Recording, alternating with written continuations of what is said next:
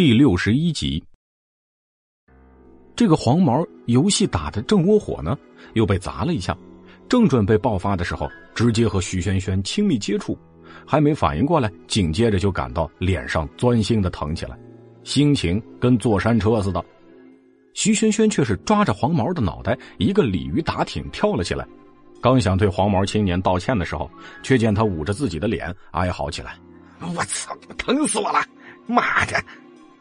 这一叫不要紧，周围的十几个人全部都齐刷刷的看向这里。徐萱萱见到大事不好，急忙趁着他们都没有反应过来的时候，左转右转，试图跑出网吧。黄毛青年的嘶吼声在背后响起：“给老子抓住那个娘们！他妈的，别让他跑了！”平日里跑个一两百米能够跑倒数第一的徐萱萱，此时却像是被博尔特附体一般，飞一样逃出了网吧。慌不择路的朝着最近的小胡同里跑去，跑出去就是大马路，料他们也不敢在光天化日之下对自己怎么样。谁知道，这自己面前竟然出现了一道上锁的铁门。胡同口近在咫尺，可是自己竟然被这个铁门拦住了去路。身后传来嘈杂的脚步声，徐萱萱知道他们快追上自己了，这一下。只好提起长裙，试图翻越这道铁门。他拄着铁门上的栏杆，用尽力气向上爬着。此时，他开始后悔自己为什么平时不多加锻炼。这刚跑几步，爬了几下，就气喘吁吁，使不上力气。眼见着这几个男人已经离得很近，徐轩轩心里顿时就愈发着急起来。一个没注意脚下，直接重心不稳，狠狠地摔在地面上。长裙被铁门上凸起的部分勾住，直接由腰际开始被划开，直到裙底。身后几个男人看到地面上倒地不起的徐萱萱，一时没有反应过来。徐萱萱只感到自己后背生疼，全身骨头像是散了架一样，任她如何使劲都无法站起来。而自己下身一片冰凉，裙子已经坏掉了。徐萱萱急忙伸出手，拼命扯住自己的裙子，不让它散开。要是散开，就全完了。脚步声由远及近，伴随着骂骂咧咧的声音。黄毛青年拨开人群，走到了徐轩轩面前，一边捂着脸，一边看着倒地不起的徐轩轩。哎呀，我去！你他妈都是跑呀！黄毛青年蹲下身，看着自己面前咬着牙不出声的徐轩轩，又看了看他紧紧攥在手里的裙子，露出了可怕的笑容。躺着不起来，是不是？干嘛呢？勾引老子是不是？一边说着，黄毛青年一边坏笑着，伸出手要拉住徐萱萱的裙子。哎呀，我操！小娘们长得还挺俊呢。哎呀，嗯，怎么样？有男朋友了吗？啊？要不要跟着老哥啊？啊？黄毛青年此时脸上布满了猥琐的笑容。老哥罩着你，这片谁也不敢惹你。徐萱萱拼命摇着头向后退，奈何背对铁门。怎么都没有退路。黄毛青年露出了恶心至极的表情，肮脏的双手直接将徐萱萱摁在墙上，伸出手就要扯她裙子。徐萱萱双腿用力的向他蹬去，一下将这个人踢倒在地上。一旁站着的一众人发出了“哎呀”的声音，有几个人立马上前来扶起他。在小弟面前被一个女人踹倒，原本脾气就不好的黄毛青年此时气急败坏的站起来。朝着徐萱萱的脸一巴掌呼过去，徐萱萱只感到大脑嗡嗡作响，还没来得及反应，就感觉到自己的头发被一只大手使劲扯着向后拽去，头皮和脸颊火辣辣的疼，徐萱萱没有控制住，眼泪一下就涌了出来。救命啊！话还没喊完，就被黄毛青年捂住了嘴巴，他只能发出含混的呜呜的声音。你妈的，还敢他娘的求救！老子看看谁他妈敢来救你！黄毛青年叫嚣着，扯着徐萱萱的头发，拖着她往地上按。头发被根根扯断，自己嘴巴里发出了痛苦的声音，凌乱的脚步声，裙子被扯开的脆响，以及自己的骨头与地面接触的声音。徐萱萱此时痛到睁不开眼睛，周身上下天旋地转。难受至极。你谁呀？你滚！别！黄毛青年突然叫起来，徐轩轩感到拽自己头发的那个力道消失了，没了外力，他此时头无力的垂倒在地上，浑身上下没有一处不疼。徐轩轩不知道怎么回事，刚才还围着自己的那帮青年突然自乱阵脚，凌乱的脚步声和嘈杂的喊叫声夹杂在一起，突然间就没有人注意到他这里。不管怎么样，保护好自己才是最关键的。徐轩轩忍着疼痛睁开了眼睛，护住自己身上破碎的衣服，爬着挪到墙角边，紧紧的抱住自己。这一下，终于是看清了，一个高挑的男人被夹在一众人中间，所有人挥舞着拳脚朝他冲过去。原本以为场面一片混乱的徐轩轩，却发现，这么多人对付同一个人，竟然没讨到什么好处。这个男人明显身手不凡。在轻松躲避了众人的攻击之后，还能够找到他们薄弱的地方进行反击。黄毛青年见势不妙，余光瞥了一眼徐轩轩，阴冷一笑，便要朝着他的方向走过去。高挑男人有着鹰隼一般锐利的眼睛，一下就看穿了黄毛的意图。他瞬间上前，一把抓住黄毛青年，任凭其他人拳头打在自己身上，丝毫没有松手。就在离自己近在咫尺的地方。徐轩轩亲眼看着这个男人将黄毛扑倒在地上，而他人的拳头纷纷落在他身上。你是弱智吗？你不会跑吗？一边死死压住黄毛青年，一边挨打的男人抬起头来，皱着眉看着徐轩轩，咬牙说出了几个字。就在这个时候，黄毛从冷风的身子底下探出头，咬牙切齿的喊着：“给我看住这个小娘们，别让她跑了！”冷风一个胳膊肘直接击中黄毛太阳穴，他痛得大声叫起来。警笛由远及近传来，胡同里的小混混们顿时慌乱起来，一众人将黄毛从冷风的手里硬拽出来，架着他直接朝着胡同口跑去。走之前，黄毛青年面色阴翳的对着二人撂下了一句狠话：“别让老子再碰到你们两个！”本集。第六十二集，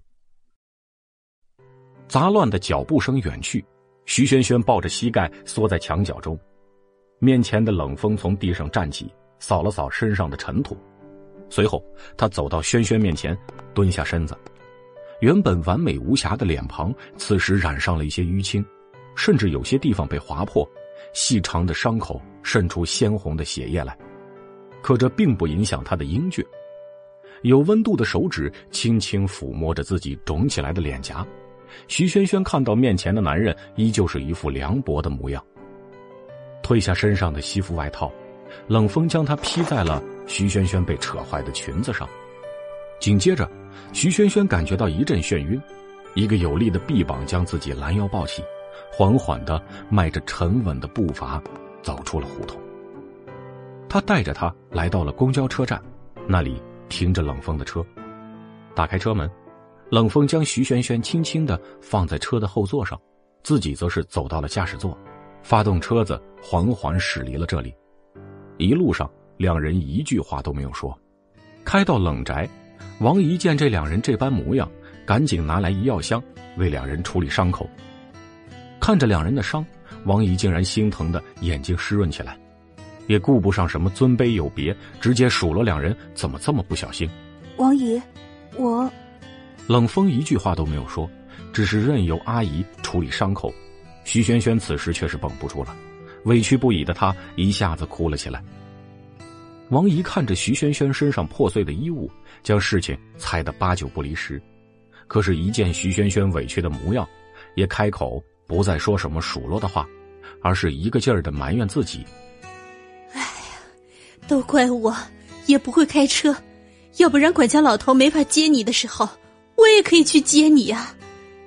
王姨一边心疼的给徐萱萱肿胀起来的半边脸服药，一边说道：“今天要是有人接你，不就不会发生这种事儿了吗？”徐萱萱偷偷的瞄着冷风，见他完全是一副没有表情的模样，根本就不知道他现在是什么心情，八成是在生自己的气吧。上好药，冷风径直朝着楼上自己的书房走去。路过女佣，他淡淡的说道：“浴室的水放好了，让徐小姐去洗个澡。”关门前，冷风头也不回的补充了一句：“让他好好的把自己洗干净。”坐在楼下的徐萱萱咬着嘴唇，没有说话。王姨叹了口气，摸着她的手安慰她：“徐小姐，少爷这是太心急了，所以才这么说的。嘴上这么说，其实他心里比谁都害怕。他怕你出事，怕你有什么三长两短的，自己还没有办法。他一直都是这样，不会表达自己的感情，也不会表露出来。徐小姐。”你今天要是真的出事了，我想少爷肯定是不会原谅自己的。徐萱萱低着头，绞着手指。王姨见状也没有办法，只得叫人拿了她换洗的衣服，带她来到浴室洗澡。关上浴室的门，王姨轻轻的一叹：“年轻人的事情，只能让他们自己去领会、去解决。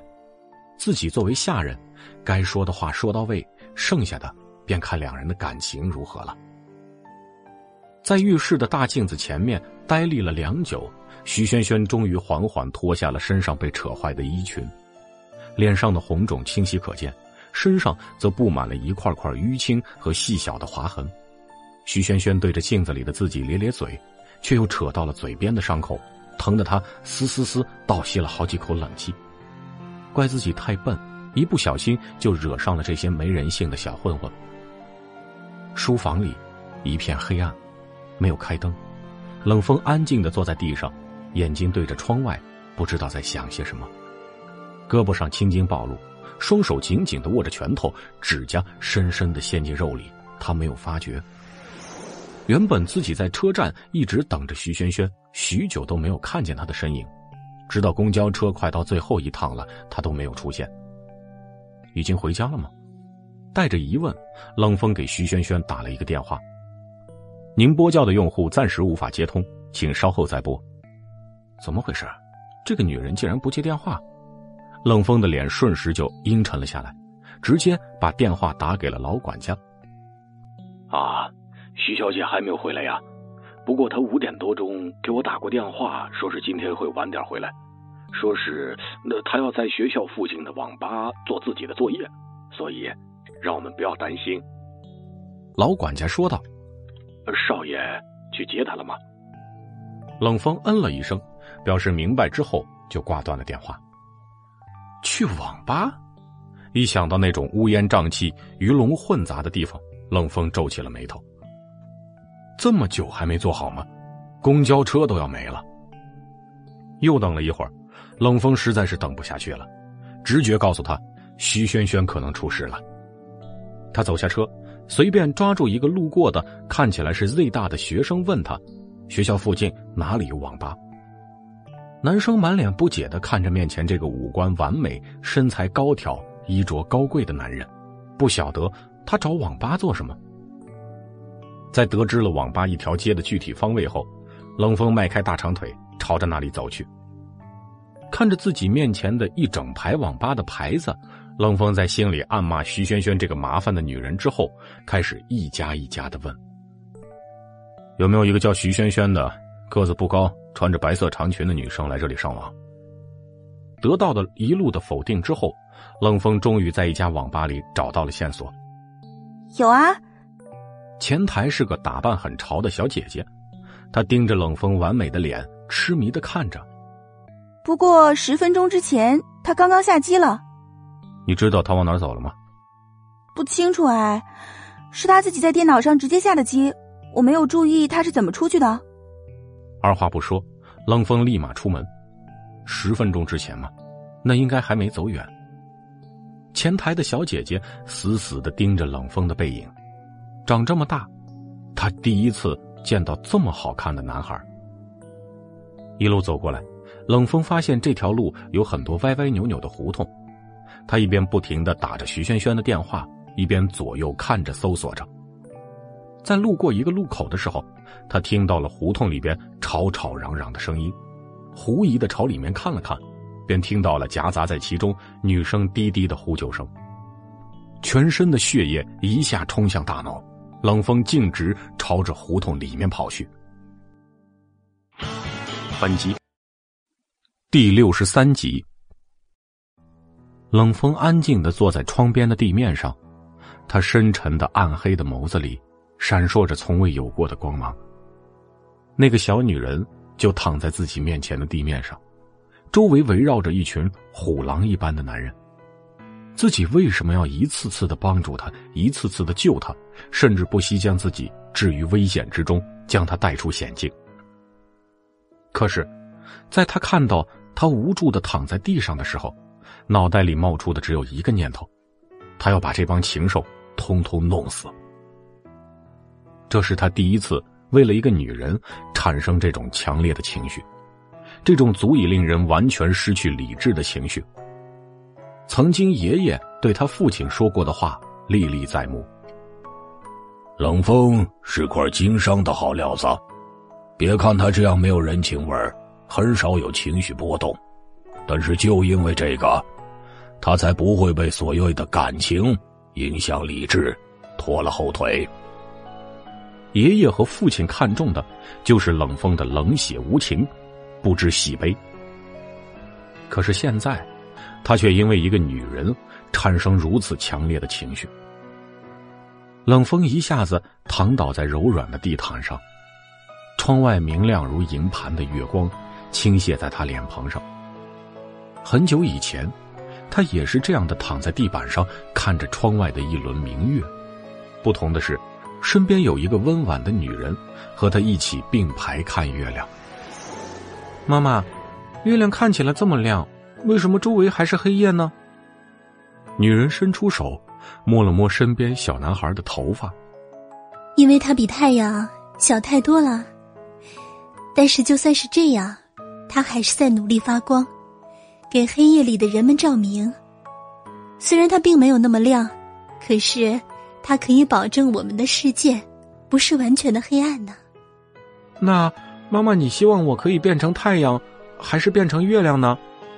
你呀，母亲温柔的声音宛若是梦一般。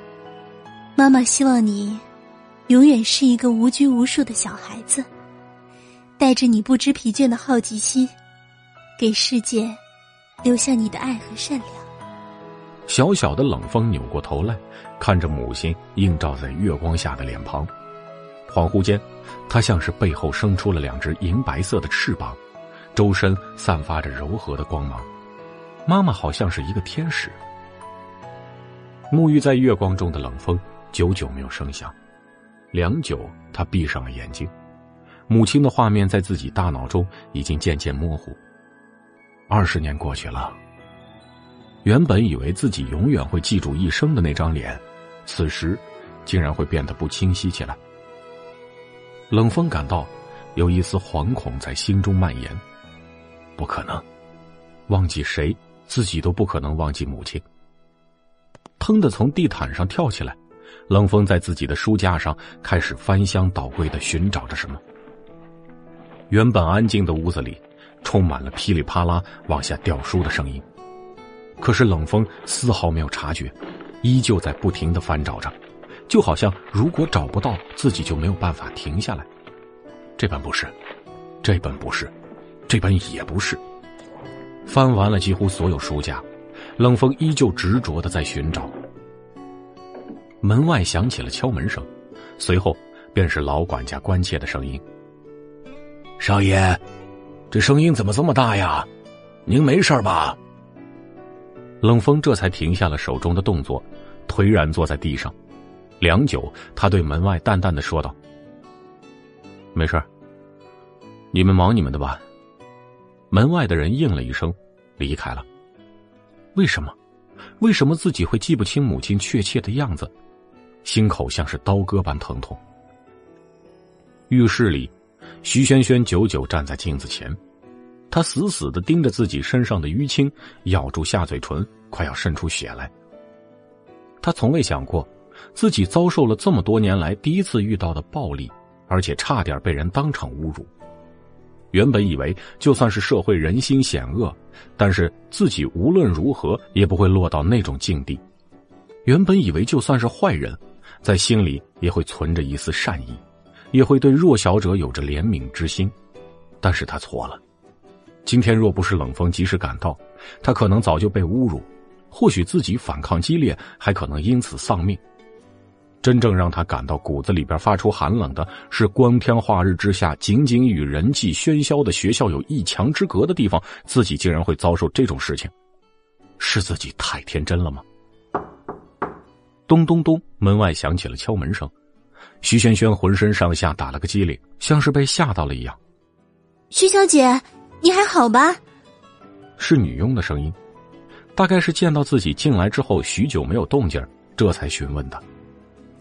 调整了一下声音，徐萱萱对着门外说道：“没有事。”光着身子迈进了浴缸，摸了摸头皮，阵阵疼痛传来。徐萱萱扒拉起自己的头发，对着镜子一照，发现长发的掩盖之下，露出了一块白生生的头皮，像是一块丑陋的疤痕，嘲笑自己的愚蠢。徐萱萱蹲下身，抱着双腿坐在浴缸里。长发的发梢散落在水面上，包裹住她小小的身躯。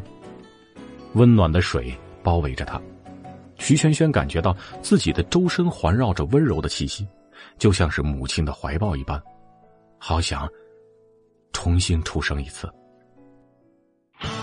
本集第六十四集，书房的门被打开，冷风换了女佣替自己整理书架。自己则是坐在书桌前，拿着平板电脑处理起了刚刚发来的文件。他脸色淡漠如常，仿佛刚才什么都没有发生一般。看着平板电脑，里面是江南刚刚发来的消息：董事会有人对自己拒绝和玛丽安的合作表示不满，希望召开董事大会一同商讨此事。冷风眉头皱了起来。董事会里的人。少不得有自己父亲和叔叔安排的人，光是这两类人就很令人头疼。何况除了他们，其余的人也都是各怀鬼胎，对于他这么个年轻的董事长，一直抱有不认可、不相信的态度。这些老家伙们一个比一个精明，就盼着自己出什么差错，好把自己弹劾下台。冷笑一声，冷风在屏幕上啪啪的摁了几下。给江南回过去消息，他冷风当然不会让这帮老家伙们得逞，孰强孰弱，也该让他们长点记性了。放下电脑，冷风的脑海中闪现出了下午时的画面。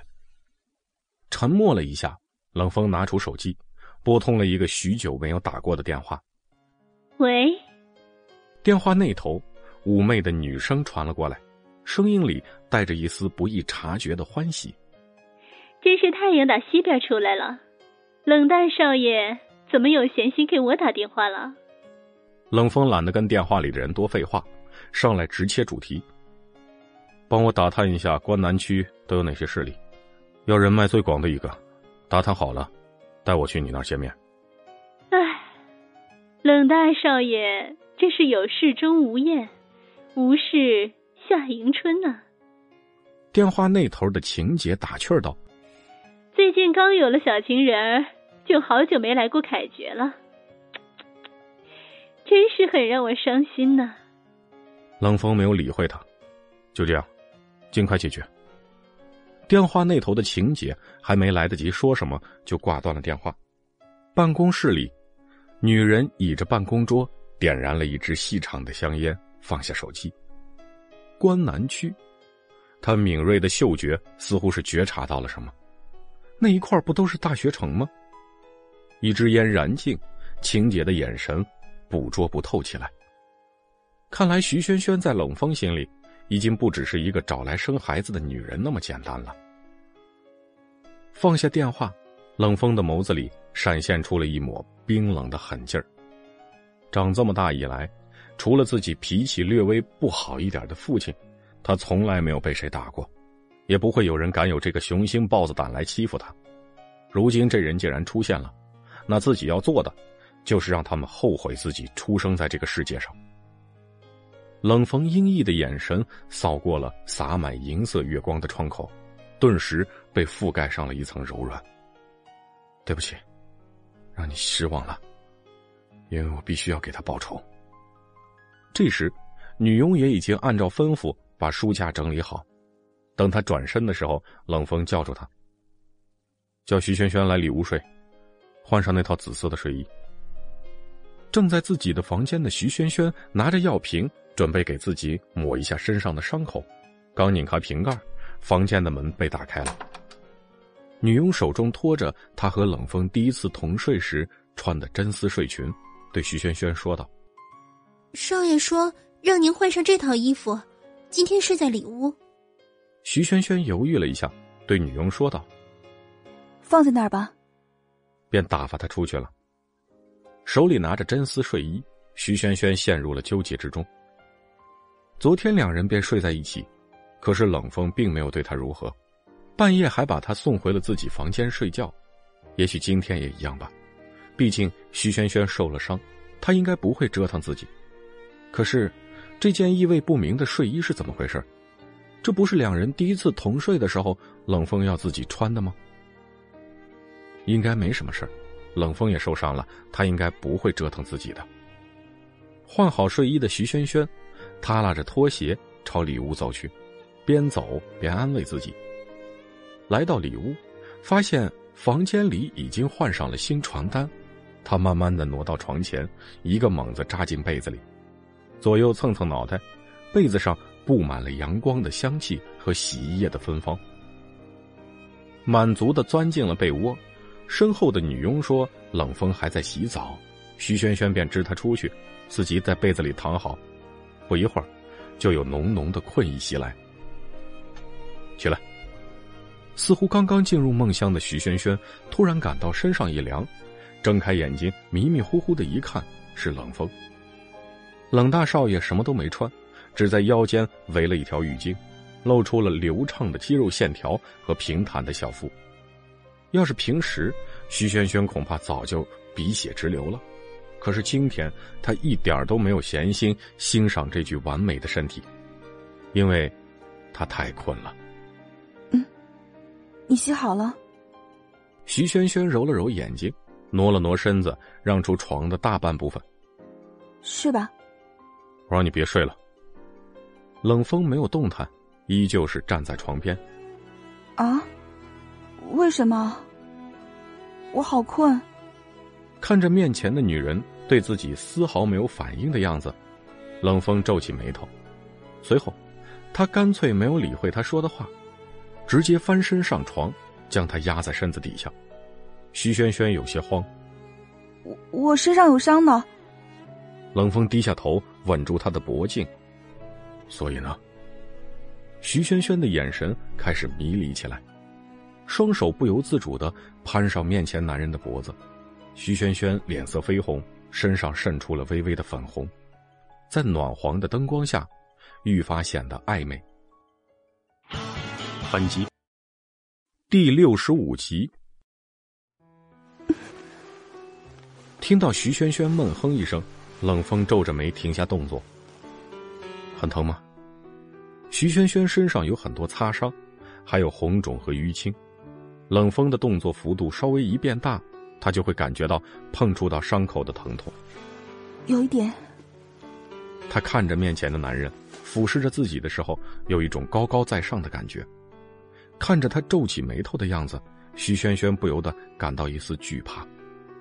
他从床上坐起来，看着冷风，发现他脸上写满了不容置疑。原本他以为今天一起睡也真的是睡觉，不会发生什么。原本以为自己受伤了，他就会放过自己。果然，冷大少爷英雄救美、怜香惜玉什么的都是笑话。他不是圣母，那种慈悲的事情不应该是由他做出来的。任何时候，他都明白如何将利益最大化。他从来不会做亏本的生意。徐萱萱转过身来，双膝跪下，背对着冷风，缓缓弯下腰去。这个夜晚，任凭他如何求饶。冷风都没有放过他，直到天蒙蒙亮，徐萱萱累倒在床上，浑身的骨头像是散了架一般，稍稍动一下就会疼。墙上的闹钟指向了清晨六点。悉悉嗦嗦的穿衣声响起，冷风推开门，不一会儿就传来了浴室放水的声音。徐萱萱一动不动的躺在床上，用自己最后的力气，给齐乐发了一条短信。让他帮忙给自己请一天假，发完，他直接瘫倒在床上，无法动弹。带着满身的伤痛，徐萱萱睡得很不安稳。一个姿势躺久了，就想换个姿势，刚动一下，浑身的骨头架子就开始对自己抗议。睡了醒，醒了睡，这样难受的感觉使他觉得自己像是神经衰弱，而冷风再也没有回来过。再次睁开了眼睛，窗外的阳光已经异常的明艳。抬眼看了一下手表，下午两点。徐萱萱动了动，依旧感觉到身上的骨头钻心一般疼痛。口干舌燥的他只好叫来了屋外的女佣。喝着女佣端来的水，徐萱萱询问冷风的情况，得知他在上午起床洗完澡之后便直接出门了。而且少爷吩咐我们等你醒了。就让你在床上好好躺着养伤，哪儿都不要去。女佣有些红了脸。还有，他还说，今晚会和昨晚一样，让徐小姐做好准备。徐萱萱听到女佣的话之后，顿时替自己感到悲哀。昨天都那样折腾她了，竟然还不放过。原本这几天他两个人相处的不错，原本他觉得冷风已经没有之前那样冷漠无情了。起码他不会在自己不愿意的时候碰自己，可是昨晚，他没有在乎徐萱萱的感受。女佣退出去，徐萱萱躺在床上慢慢蜷缩起身子，她紧紧的抱住自己的双臂，鼻腔里涌上了酸涩。早就该看开了，是自己太天真，还妄想着在这个冷宅里边过上好日子。就算是自己小心翼翼的。换来了王姨和老管家的喜爱。可是这冷宅的主人还是冷风，无论如何也改变不了自己寄人篱下的处境。不知过了多久，徐萱萱手机响起来，拿手机一看，是齐乐发来的短信：“今天上课的课件和黑板我都给你照下来了，怎么样？感冒好点没？”突然想起自己早上说感冒发烧了，齐乐这小丫头。看来还是挺关心自己的。还没回复他呢，手机屏幕上便出现了“乐乐来电”这四个字，齐乐咧嘴大笑的大脸出现在自己眼前。徐萱萱调整了一下嗓音，接通了电话：“喂，萱萱，感觉好些了吗？”徐萱萱轻轻的嗯了一声，电话那头的齐乐嘿嘿一笑，道：“嘿嘿，我现在这边有两个人很关心你呢。”非要我给你打个电话才行。徐萱萱有些惊讶，还没来得及说话，就听到齐乐将电话递给了一个人。喂，轩轩吗？一个温润的嗓音响起，徐轩轩有些脸红。学长。电话这边，穆以贤听到了徐轩轩叫自己一声学长，不由得默默叹了口气。哎，看病去了吗？最近天气不是很暖和。穿的太少，很容易感冒的。从鼻腔里发出闷闷的声音，徐萱萱感觉到眼睛有些湿润。分明是自找苦吃，却还要连累他们替自己担心，他真是个不让人省心的孩子。当当当当，在自己和穆以贤聊了几句之后，齐乐拿回电话，对着自己卖起了关子。猜猜下一位是谁？徐萱萱想了半天。想不出还有谁能像齐乐和穆以贤那样关心自己。同学，这个苍老的声音刚刚从电话的听筒里传出的时候，徐轩轩有一刹那错以为是自己的爷爷。就在他震惊不已的时候，电话那头又说话了：“我是刘老师，竟然是教授。啊，今天上课了，我看你没有来，担心你有什么事儿。”就问了你这个朋友，教授听起来很开心的样子。结果你朋友说，如果担心你的话，就给你打电话，让我和你说说话。听着刘教授略带笑意的话语，徐萱萱终于绷不住了，泪水从眼眶中涌出，噼里啪啦的往下掉着。教授，我没事，我挺好的。他话语中带着哽咽，真是太对不起了。让你们担心了。哎呀，这怎么还哭了呢？你生病了，我们关心是应该的，你不要自责。教授的声音像是自己的爷爷一样，令徐萱萱忍不住自己的眼泪。好了好了，啊，你好好养病啊，我们不打扰你了。挂断电话，徐萱萱还没有消肿的脸上，轻轻的扯出了一个难看的笑容。生活，还是有盼头的。本集第六十六集，在冷宅养了两天的伤，再次被冷风折腾到后半夜的徐萱萱，已经认命般不再挣扎和求饶。她想要，便给他吧，这样自己怀孕的几率还能大一些。留在冷宅的时间就能少一些。他心里边已经彻底的将自己和冷风划开了界限。想想当初，自己竟然还替他给公司出谋划策，还生过去冷市工作的想法，自己还试图融入他的生活，让他认可自己，一切都是笑话。他徐萱萱只是代孕的，仅此而已。认清了自己的地位就好，这样受再多的痛苦都不会觉得委屈。第三天一早，虽然只是睡了两个小时，可是徐萱萱还是忍着全身的疼痛，挣扎着爬起来洗漱。冷风每天都来到里屋，直到后半夜完事以后，洗个澡回到书房，从来不会和他一同睡觉。徐萱萱也没什么怨言，再也不会奢求更多的东西，只求这个恶魔一样的男人能够早点放她自由。洗漱完毕。徐萱萱穿上了长袖的衣服和裤子，要是被齐乐发现自己身上的淤青，免不了又要编造一堆谎言来掩盖真相，因为他不想再让他们担心自己了。看着自己脖子上留下的痕迹，他想了想，戴上了从来没有戴过的 choker，像是项圈一样的项链。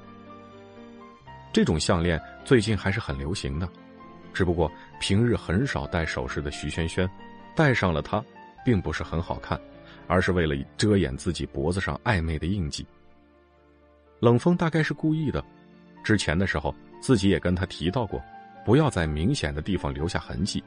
他虽然没说什么话，但是也听了。只是这几晚，他明显变得和以前不同，不但肆无忌惮的在他身上肆虐，还会说出很多露骨的话，让他感到羞耻。可是偏偏自己的身体不会抗拒。洗漱完毕，徐萱萱来到楼下的时候，看见冷风正在餐桌前吃饭。他想了想，还是去学校食堂吃吧，总比面对这个冷漠的冰山恶魔要好得多。王姨见到徐萱萱拎起书包就要走，连忙叫住她：“小姐，吃点早餐再走吧，不然对身体不好啊。”徐萱萱扭过头来，对他展颜一笑。谢谢王姨，不过我没什么胃口，可能到学校就饿了。饿的时候我会想着自己吃饭呢。王姨还想说什么，一旁坐着的冷风头都没抬，便淡淡开口：“让保镖送你去上学。”徐萱萱皱了一下眉头，没有忍住，还是抗议道：“我自己可以坐车去的。”冷风像是没听见徐萱萱说的话，径直补充了一句：“从今天起。”我的保镖会全天候在你身边，不能再有任何差错。什么？徐萱萱瞪大了眼睛。送我上学就罢了，全天都跟着我像什么？我还能不能正常上学了？刚刚还低着头的冷风，此时抬起脑袋，目光里的寒冰能杀死人。以后再出现那种事情，你觉得我还会去救你第二次吗？徐萱萱，如果你被别的男人碰过的话。我们的合同到此为止，我不想要一个来历不明的孩子。良久，徐萱萱没有说话，也没有动。一旁的王姨紧张的看着这两个年轻人，所有人在这时候都安静下来，仿佛爆发前短暂的平静。原来他救自己是这个原因吗？怕自己被人侮辱，这样就不能再给他生孩子。他的五百万就白白浪费掉了。死死咬住嘴唇，已经渗出鲜红的血液。徐萱萱紧紧攥住拳头，指甲抠进了肉里，强烈的疼痛告诉他，除了忍耐，你做不了任何事情。抬起头，徐萱萱自嘲的一笑：“劳烦冷大少爷操心了，我这种人，送给谁都没人要的。如果你实在担心，不必大动干戈。出了事情，我自己走人就可以了。那五百万呢？我会还给你，给你打一辈子工，也会还给你的。冷风垂下了眼帘，这样有趣的话，他还是第一次听到。自己好心好意要保护他，他还这么不领情，竟然还说出“我自己走人”这种话。当这里是游乐场吗？来玩的，想来就来，想走就走。来了冷宅，你还想自己随时能走人吗？梁博的眸子里充满了讥讽。你现在是我冷风的人，我想做什么要什么，你没有理由拒绝。又来了。这种将人看低一等的态度，让徐萱萱感到自己很没有尊严。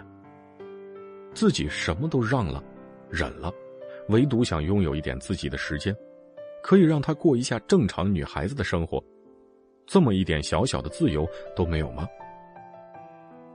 冷风的余光看到徐萱萱瘦小的身影，孤独的站在那儿，皱起了眉头。自己又没有把这个女人怎么样。这是要保护他，他怎么弄得想要害他一样？没来由的烦躁，冷风朝着徐萱萱摆摆手：“行了，每天让他接你上下学，你按时按点儿从学校里面出来，随时保持联络。还有，记住你今天说的话，要是那种事情再出现第二次，我们就到此为止。”徐萱萱莫名其妙的得到了允许。还没反应过来，就看到他不耐烦的模样，识趣的说了一句：“谢谢冷总。”便直接走出了房门。那样低气压的地方，自己多待一秒都不行。少爷，小姐她不是不想让你保护她。王姨看着冷风烦躁的模样，安慰道：“她还是小孩子，喜欢过自己的生活，原本就是还在上学的年纪。”你让他身后成天跟个人监视他，他肯定不会愿意呀。他太蠢了，迟早会被自己的单纯害死。冷风眼眸淡漠，当下最重要的是他安心给我生个孩子，生完孩子，他想做什么我都不拦着他，也不会再去管着他。王姨听罢，看着冷风眼底的担忧，轻轻的叹了口气。也罢。年轻人的事情，让他们自己去折腾吧。总有一天，他们会明白对方所经历的一切心路历程，也会理解各自当初不能理解的心情。本集第六十七集，徐萱萱吩咐保镖将车子停在离学校不是很近的地方，径直下了车，走了几步，却发现保镖一直跟在自己身后，微微皱了皱眉。徐萱萱转过身来，老风说：“你不必跟我进学校的。”身后的黑衣保镖戴着墨镜，看不出表情，用公式化的语气说道：“少爷吩咐我把你送进学校里，现在还没到学校。”路过学校侧门，徐萱萱不由得打了个冷颤，她无奈，只好默许他跟在身后。三天前的那件事情，直到现在，他还心有余悸。只要一停止思考，那天发生的事情仿佛是历历在目一般。加快脚步走过侧门，徐萱萱想着以后让保镖把车子停在学校的另一侧，省得每次自己都要路过这个地方。终于走到学校门口，身后的脚步果然停下来。徐萱萱听到身后传来一个没有情绪起伏的声音：“徐小姐，下午五点我在这里接你。”徐萱萱扭过头，点了一下，然后便径直走进学校。保镖大叔在校门口站了很久，直到看不到徐萱萱的背影，这才转身离开。徐萱萱不知道的是，学校侧门附近，几个坐在小店里的人目光紧紧的看着每一个过往的学生，似乎在寻找着什么。看着时间还早，徐萱萱先到食堂里买了包子和豆浆。打包好了，带到教室。刚走进教室门，看到了坐在前排的齐乐。徐萱萱不在的这几天，他都是和寝室里面的另外两个人一起上的课。可是另外两个人没有徐萱萱那样热衷于学习，每次上课都选择坐在后排，也不怎么听讲，基本上一直都在玩手机。因为他们知道，到了期末的时候，只要自己向徐萱萱要课程重点，他一定会给，然后他们只需要背住就好了。齐乐虽说并不是徐萱萱那样年年都能考第一的大学霸，但也算是成绩拔尖儿，起码每年的奖学金都有他的份儿。说到底，还是被徐萱萱影响的。原本齐乐并不是能够认认真真学习的人，但是在徐萱萱的带动下，他也慢慢学会了如何安下心来读书。虽然齐乐有时候到了期末也会临时抱佛脚。但平时的课程他都会认真听，不像自己另外两个室友，会在期末的时候临时突击。他们的目的只是为了应付考试，不挂就好。第一天的时候，齐乐被他们两个拽着往后跑，也许是跟着徐萱萱一起在前面坐习惯了，上课的时候自己在最后一排很不舒服，课上到一半，齐乐就自己换到前排，再往后。每一次上课，齐乐都是自己坐在前排。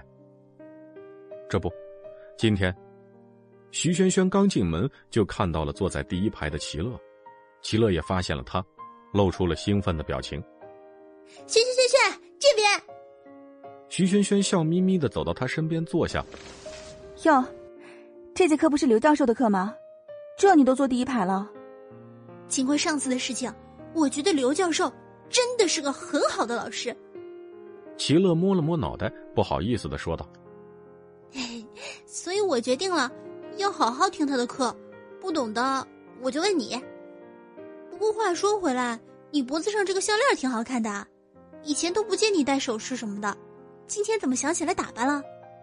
他眯起眼睛，露出了猥琐的小眼神儿。难道是看上哪个小男生了？徐萱萱失笑一声，伸出手来敲了一下齐乐的脑袋。想什么美事呢？女为悦己者容嘛。不得不说，徐萱萱今天是为了掩饰伤痕才穿的长衣长裤，带着小小的蕾丝边的白色衬衣，牛仔九分裤，裹腿带着毛边，脚上蹬着一双棕色的日式学生皮鞋，怎么看？都不像是随意穿出来的感觉。齐乐看着自己面前长发及腰的闺蜜，左右看看，觉得缺了点什么。突然间，他灵光一现，从自己包里掏出了一个便携式的小化妆包，翻来翻去找到了一支口红。看着齐乐跃跃欲试的模样，徐萱萱只好将自己手中的包子几口吃完，撅起嘴配合着自己的闺蜜。齐乐选择了一支颜色比较深的大红色口红。考虑到徐萱萱并不喜欢浓妆，她只在她嘴唇上薄薄的涂了一层。这样一来，长发飘飘的徐萱萱配上这一身简约的衣服，口红的颜色一涂，整个人呈现出了一种复古的美感。两人一边聊天一边笑闹着，正巧刘教授走进教室，他刚一进来就看见了坐在第一排的齐乐和徐萱萱，于是径直走到二人面前。徐萱萱抬头看见刘教授正笑眯眯的看着自己。哎，病好些了吗？徐萱萱有些害羞的点头，露出抱歉的表情，对刘教授说道：“对不起，让您担心了。”哎，不要这么说，你生病了，被担心是应该的。刘教授鬓角的银发在教室的灯光下看起来就像是自己的爷爷。嗯。看到你没事儿，我就放心了。说罢，刘教授示意他继续吃早餐，自己回到了讲台上。看着刘教授熟练的打开多媒体设备，准备播放课件，徐轩轩感到这位可敬的老人除了传道授业，还将自己的学生当做亲人一样看待。这样有师德的老师已经不多了。下了课，徐萱萱看了一眼课程表。发现正巧下午只有最后一节课有课，这样自己就能去图书馆把这几天落下的课程补上。收拾着课本用具，徐萱萱听到了温润的声音传来：“刘老师，你好。”朝着教室门口看去，果然是穆以贤。站在讲台上正在关电脑的刘教授看到穆以贤，又转眼看了徐轩轩，顿时露出了一副年轻真好的形态。啊，是以贤呐，来找徐轩轩的吧？来来来，你们聊你们聊，老师这就准备走了。啊，老师再见，您路上一定要注意安全呐。穆以贤没有否认，只是微笑着对刘教授道了别，这才走进教室。径直朝着徐轩轩和齐乐走来。学长好。想起前两天自己接到的那个电话，徐轩轩只感到自己能拥有这样两个朋友，真是自己莫大的福气。本集第六十八集，穆以贤一眼就注意到了徐轩轩脖子上的项链和嘴唇上的妆容。和他认识了这么久，穆以贤第一次发现，原来。走素颜风的徐萱萱画这样的妆容会这么好看，呆呆的看了他几秒，直到发现徐萱萱也在看他，穆以贤这才反应过来：“ 萱萱，你病好了吗？”穆以贤有些小尴尬，这几天你没来，齐乐可是一直嚷嚷着想你呢。一旁的齐乐白了他一眼：“不知道是谁想的，还嘴硬。”真是一见面。不互相怼几句就不舒服的两个人呢。徐萱萱在一旁笑眯眯的看着他们两个。哼，美其名曰顺路一起去社团，实际上就是听说你来了，他才来看你的。和我一起去社团才是顺路呢。齐乐鼓着嘴巴向徐萱萱发牢骚，一旁的穆以贤一边微笑一边暗暗的敲了一下齐乐的脑壳。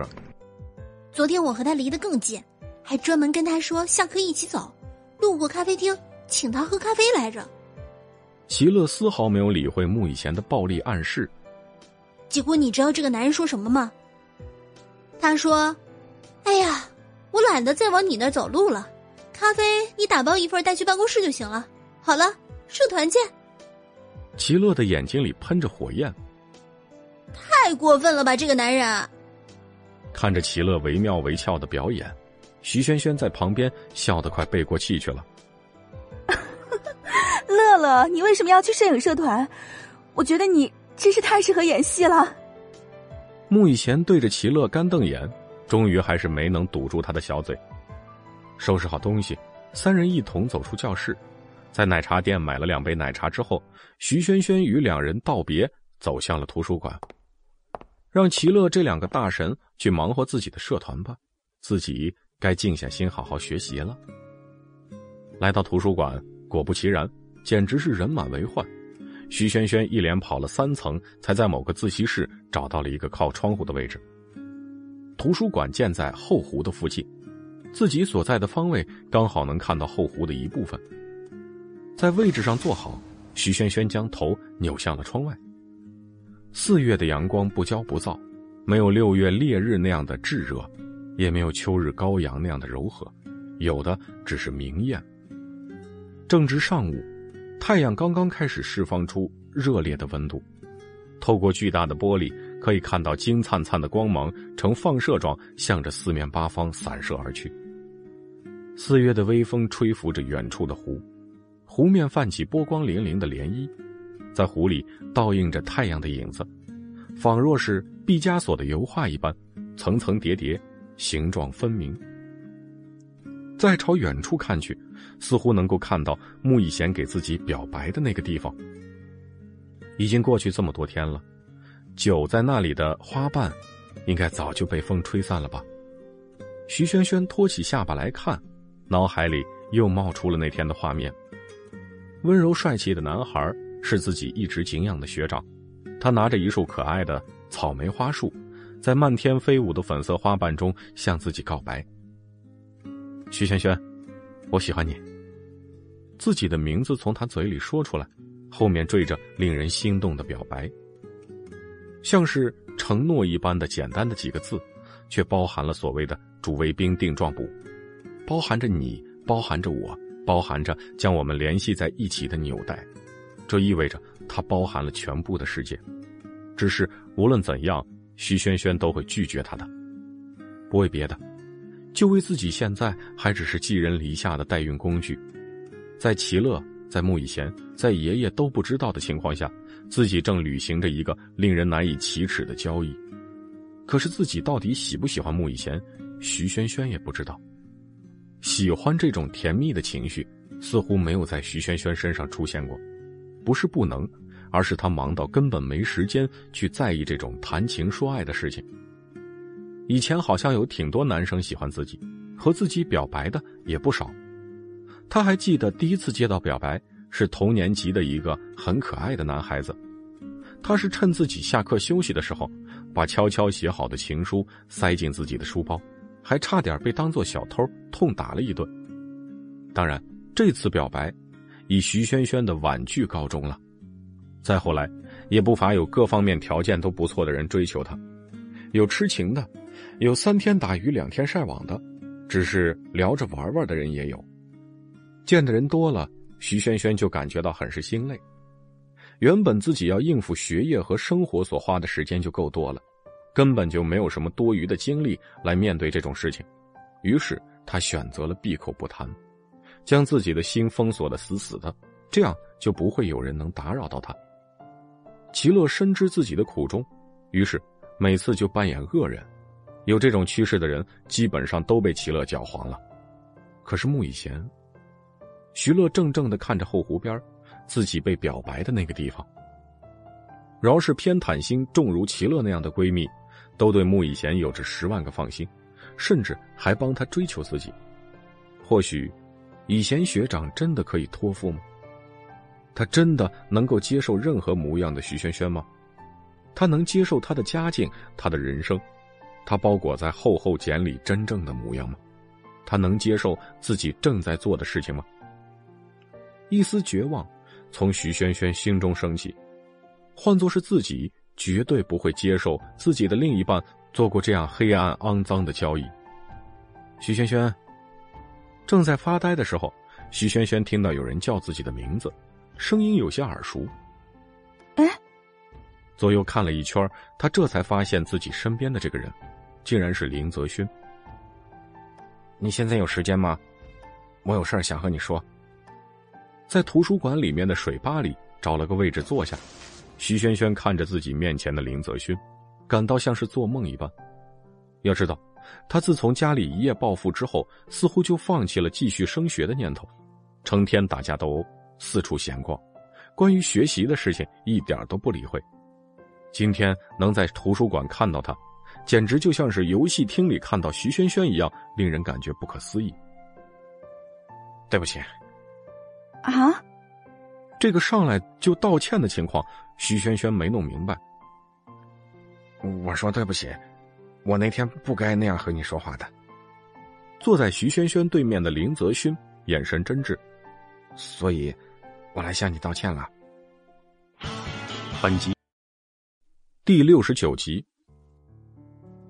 徐萱萱低下头来，喝了一口面前的奶茶。虽然自己刚刚和齐乐两人一起买过奶茶，可是。面对着林泽勋的邀请，他实在是不好拒绝。你不用和我说对不起，因为你没有什么好对不起我的。徐萱萱看着前面的林泽勋，如果你真的喜欢我的话，那反倒是我对不起你了。因为我现在没有想要谈恋爱的打算，所以会让你失望了。林泽勋看着徐萱萱，良久没有说话。不过今天能在图书馆看到你。还挺意外的。徐萱萱摇起了吸管。你来学习吗？嗯，最近也没什么事儿做，突然想来这里逛逛。徐萱萱看向林泽勋，竟然在他脸上看到了一丝异样的潮红。要知道，这样的害羞表情，自从他变了之后，再也没出现过。徐萱萱觉得今天的林泽勋有些反常，一点也不像平时嚣张跋扈。咋咋呼呼的他，反倒是像自己第一次与他遇见的样子。算起来，自己和林泽勋分道扬镳，应该有半年多的时间了。之前还算挺好的朋友，一下子变成了路人。时隔半年，两人还是第一次这样面对面的坐在一起，像是正常的朋友一样聊天，真的很神奇。或许是太久没有说过话的缘故，徐萱萱和林泽勋。直接陷入了沉默当中。徐轩轩倒是觉得没什么，林泽勋反倒开始有些坐立不安。看着面前欲言又止的林泽勋，直觉告诉徐轩轩，今天他似乎有些不对劲。你找我来，应该不只是为了道歉吧？徐轩轩放下了手中的奶茶杯，双臂端正的摆在桌子上，看向了面前的林泽勋。还有什么别的事吗？果不其然，林泽勋的嘴唇蠕动了几下。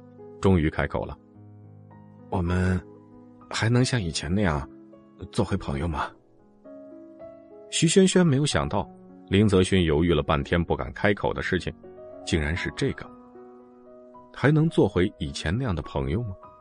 话一说出口，林泽勋一直紧张的看着徐轩轩，他很怕自己和这个女孩子会彻底的变成陌生人。两年前，他们明明还是很好的朋友。那时候的自己似乎有着社交恐惧症，最显著的特点就是自己没办法和别人面对面的交流，因为这样的交流需要看着对方的眼神进行，而他做不到，不是不想做，而是做不到。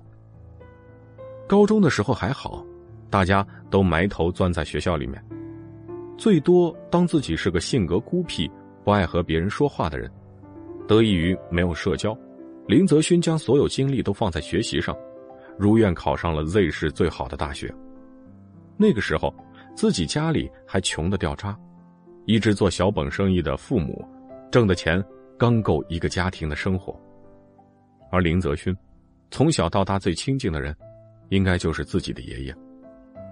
和爷爷在一起的时候，林泽勋仿佛是变了一个人，他能够在爷爷面前轻松的跟他谈话，能够直视着爷爷的眼睛，能够和爷爷一起聊天说话，只是这个时候，林泽勋才觉得自己是一个正常的孩子。当自己接到 Z 大的录取通知书的时候，他无比兴奋的将它拿给了爷爷看。他至今也忘不了爷爷的脑袋，笑着说了一句：“ 老林家出大学生喽。”那样骄傲的眼神就好像自己做了什么特别了不起的事情一样。那个时候，他下定了决心，在大学里边也要好好读书，将来有了出息，赚钱给爷爷花。可是，爷爷却在自己考上大学的第三年就去世了。见义勇为，为了救一个河边玩耍的落水儿童，自己却再也没能挺过来。那段日子是他最痛苦的时光。好在那时候。徐萱萱觉察到他异样的情绪，虽然他不说，可是徐萱萱也不会问，他只是会默默的陪伴在自己的身边，给自己说些好玩的事情，送给自己一些有趣的小玩意儿，将自己每天的好情绪传染给他。多谢徐萱萱，他才能挺过那段灰暗的时候。林泽勋上了大学以后，便发现社交是一种多么重要的能力。在大学里，自己完全不能像以前那样两耳不闻窗外事，一心只读圣贤书。很多时候，自己面对的事情不是逃避交流能够解决掉的，可是他做不到，他害怕与人交流，甚至严重影响到了自己正常的生活学习。舍友排挤他，同学们不认识他，说教了很多次的老师也拿他没办法，不堪压力之下。林泽勋甚至想要退学，不再念书。可是每当自己回到家，总是还会看到爷爷挺着年迈的身躯给他下地摘菜、做好吃的。岁月没有饶过他最爱的爷爷，越来越驼的脊背，昏花的老眼，步履蹒跚的模样，无一例外昭示着爷爷已经苍老，而他却无法长大。看着爷爷，林泽勋再也没有想过要退学的念头。坚持着把学上完，就可以熬出头了。每次他灰溜溜的从学校溜回家里，都会再次灰溜溜的回来。爷爷需要他，所以他要坚持。无法与人交流，林泽勋干脆放弃了。他要直接凭借自己的努力取得成绩。然而老天没有给他这个机会，自己在考试前的一周时间里得了很严重的肠胃炎。光是在医院挂水就花了一千多块钱。与此同时，他错过了所有的期末考试。像他这样的家庭，这样花钱简直就是割肉一般心疼。最可怕的是，所有的人没有一个人告知他有关考试的事情。林泽轩直接连补考都错过了。上大学的第一个学期，林泽勋因为所有的学科学分为零，直接被学校下达了留级通知。老师找他询问情况，可是他却什么都不知道。你不知道考试时间吗？林泽勋摇头。补考时间呢？舍友没告诉你吗？同学也没告诉你吗？老师见到林泽勋这个样子，直截了当的对他说：“你应该找个心理医生了，你这是社交恐惧症啊。”本集第七十集，林泽勋还是第一次听到这个词，但他还是摇了摇头。光是一个肠胃炎，就花掉了家里一个月的生活费。心理医生，自己当然没有钱去看了。老师只好无奈的摇了摇头。这个学生是他当导员这么久以来遇到的最棘手的例子。不过，想想他即将留级，那他的事情也不归自己管了。最终还是没人解决这件事情，林泽勋直接降了一级。得到通知的那一天，林泽勋回到家里。爷爷一眼就发现了他情绪低落，一如既往的做了一桌子林泽轩爱吃的菜，爷儿俩在饭桌前吃着饭，家里却是异样的安静。爷爷知道，如果不是遇到特别不好的事情，自己的孙子是不会像现在这样一言不发的。终于在餐桌上，林泽轩忍不住抱着爷爷大哭了一场。可是爷爷也没什么办法，只能看着孙子这般痛苦的模样。湿了眼眶，咋儿啊？咱家不比别人啊，条件呢是苦了点儿，爷爷也没什么本事，没法带你去看病啊啊！抱着爷爷的林泽勋拼命的摇头：“不是的，您是这个世界上最好的爷爷，我不看病了，爷爷你相信我，我可以自己做到的。”从那以后，林泽勋就逼迫着自己和别人说话。反正才过一个学期，自己就要留级了，那么剩下的这个学期的课程，他也不用参加。于是，他每天往外跑，克服自己恐惧的心理，强迫自己和别人说话，从最简单的东西开始买起，和售货员对话，再去进行和别人交流的工作。渐渐的，林泽勋感觉到自己比以前有了很大的进步。看着自己孙子的进步，爷爷每天也挂着微笑在脸上。这样的日子持续了半年，林泽勋终于可以稍微的正常的和人交流了，只不过看起来还是很腼腆。新学期开学，再一次见到这么多陌生的面孔，林泽勋只感觉自己的喉咙像是被什么东西扼住了一般，无论和谁。都不敢说话。他觉得自己整整半年的时间的这些努力全部都白费掉了。在第一次跟班里边的人聚在一起的时候，他不敢和别人交流，自己坐在教室的最角落的地方。同学一个接一个的走进门，林泽勋发现一个看上去很好接触的女生，她有着柔软的长发，亮晶晶的眼睛，她脸上带着柔和的微光。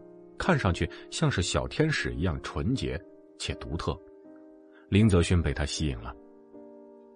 他和自己的同伴的女生坐在教室的正中间，就在林泽勋小心翼翼看着他背影的时候，他像是长了后眼一样，径直扭过头，将目光投向自己，像是被抓住了偷窥一样。林泽勋内心一惊，十分慌乱的扭过头去。就在这时候，教室前面响起了不大不小的声音。看上哪个小男生了？听着不像是恶意的玩笑，可是四周的目光却齐刷刷的朝自己转过来。那么多人，竟然有那么多人同时看着他。林泽勋顿时感觉自己像是一个油锅里的蚂蚁一般，如坐针毡被周围的人看着，实在受不了了。林泽勋终于没出息的夺门而逃，在教室外面找了一个长椅坐下，他心里满是刚刚见过的那个女生。自己是不是太没出息了？林泽勋有些懊恼。就在自己盯着窗外发呆时，自己身边竟然多了一个人。软软的女声响起，竟然是刚刚那个天使一般会发光的女孩子。他们之间说了一些什么，林泽勋记不太清，但他牢牢的记得，从那天起，他林泽勋终于有了第二个可以没有障碍的交流聊天的人。那个人，就是徐萱萱。说来也怪，自从和徐萱萱成为朋友以后，自己的社交恐惧症似乎减轻了一些，最起码生活上的交流已经没什么问题。虽然说和别人说话也会害羞腼腆，可是再也没有出现过那种被扼住喉咙一样说不出话的情况。林泽勋一直觉得，徐萱萱医好了自己的社交恐惧症。徐萱萱对于他来说，已经不只是朋友那么简单。然而，后来家里发生了那件事情，却使他彻底崩溃。爷爷在某个冬日的夜晚，为了救一个掉进冰窟窿的小孩，自己没能上得来，被活活冻在了结冰的河下边。第二天一早，尸体被捞出来的时候，已经被水泡的肿胀到难以辨认。林泽勋还没有毕业。还没有闯出什么名堂，还没有长什么出息，还没有挣钱给爷爷花的时候，自己就永远的失去了他。被救的小孩家里特别有钱，为了安抚林泽勋一家人，小孩的父母重金酬谢，给了他们这辈子都不一定能见到的数目。靠着这笔钱，再加上好运气，林泽勋的父母渐渐的将家里的生意做大，通过一个契机，林家在 Z 市彻底崛起。这一切，都是用爷爷的命换来的。林泽勋宁愿在一贫如洗的家里和爷爷开心的聊天。自此之后，林泽勋便开始了浑浑噩噩的生活。反正自己家里有的是钱，自己根本不需要努力什么，就可以得到自己想要的东西。一夜暴富之后，林泽勋知道了富人的生活到底是什么样的。很多以前都不敢想的东西，现在都变得唾手可得。徐萱萱就是在那个时候微笑着对他说：“林泽勋，我想我们已经不适合再做朋友了，就这样吧。”那个时候，他的姿态和表情，与现在自己面前的徐萱萱一模一样。你问的问题，值得商榷。徐萱萱双手放在桌子上，脸色严肃。你应该知道，我们从半年前起就不再是朋友了吧？以前的你是一个很好的男孩子，可是后来你却变了，完全不再是以前的那个林泽勋了。我一直在心里怀念以前那个很可爱的林泽勋，以至于根本没有办法接受现在变成新样子的林泽勋，所以我才和你分道扬镳。林泽勋的脸上浮现出了失望的神色，果然还是不行了。但是，过了许久，徐萱萱再次开口：“我愿意重新认识现在的你，我们从头再来，好不好？”本集第七十一集，真真的吗？林泽勋有些不敢相信自己的耳朵，是真的。徐萱萱依旧是一脸严肃的表情。那，那我能问问你，之前为什么和我说不能再做朋友了呢？林泽勋怔怔的盯着面前的女孩。明明明，明明以前的我那么懦弱胆小，那么没出息。徐萱萱打断了林泽勋的话：“你错了，以前的你，不是懦弱胆小，也并不是没有出息。”相反的，我觉得你很有理想，有担当，也很勇敢。你知道自己没有办法和别人面对面的交流，但是你却能够为了克服这个毛病而勇敢的锻炼自己。你告诉我，你想让爷爷过上好日子，所以才会这么拼命努力学习的时候，我觉得我找到了知己，因为我也有一个爱我的爷爷。我也会为了他而努力，努力再努力。我要让他过上我所能给予的最好的生活。说到这儿，徐萱萱已经有些眼眶湿润了。最打动我的，是你身上不服输、肯努力的劲头。虽然你不说，可是我可以感受得到。可是，后来好像你家里发生了什么事情，你真的是一夜之间，就像是完全变了一个人一样。以前那种劲头，全都不见了。林泽勋看着面前认真的女孩，怔怔的说道：“抱歉，我没想到你会那么在意我的变化，我还以为我自己变得比以前更好了，没想到。你说的对，自从爷爷去世以后，我一下子就没了那种想要努力的念头，整个人失去了方向。我知道，我自己那时候成天浑浑噩噩的，不知道该做什么。我想好了。”我会努力的变成你喜欢的样子，我们从头来做好朋友，好不好？此时此刻，坐在徐萱萱面前的林泽勋仿佛回到了两年前那样，有些羞涩的笑了。那我就好好看你的表现了哟。徐萱萱咬住吸管，把里面最后一口奶茶喝光。好了，我要去复习了，你也去做自己的事情吧。说罢，徐萱萱站起身。对着林泽勋做出一个加油的手势，笑眯眯的回到了刚才坐着的靠窗的位置，终于还是能安下心好好复习了。在徐萱萱走了很久的一段时间里，林泽勋都安静的坐在座位上，没有动弹，将心里的事情和话全部都说开之后，果然感觉好了很多。前一阵子，因为自己对徐萱萱愚蠢的威胁，加上胁迫似的表白。林泽轩懊恼了好久，连带着将脾气全部发在了赵巧巧身上，直接把他气走了。直到现在，他都没有在自己面前出现。他知道，这次他是真的生气了。以往，他不管怎么对待赵巧巧，他都一如既往的黏在自己身边，就算是有抱怨，他也没有离开过自己。就像小时候一样，赵巧巧是自己的邻居。在自己家里还没有富裕起来的时候，两个人一起穿着开裆裤长大的小孩。他比林泽勋小一岁，自打记事起，两人就经常在一起玩。那时候，林泽勋没有什么社交恐惧症，大家都是无忧无虑的小孩子。只是林泽勋比较害羞，而赵巧巧则像是一个男孩子一样假小子的性格。虽然是这样。可是赵巧巧还是对这个有些腼腆的小哥哥很喜欢，别的小朋友不爱和他玩，可是他喜欢，两个人就这样一起长大。林泽勋比赵巧巧大一岁，所以比他早一年上学。在上学后，林泽勋就开始有些社交恐惧症的前兆，不合群，不说话，经常沉默。就这样，林泽勋总是受到别人排挤。有的小孩带头说他是个哑巴，不会说话，没有舌头之类的，自此他便成为了别人的笑柄，也会经常受到捉弄。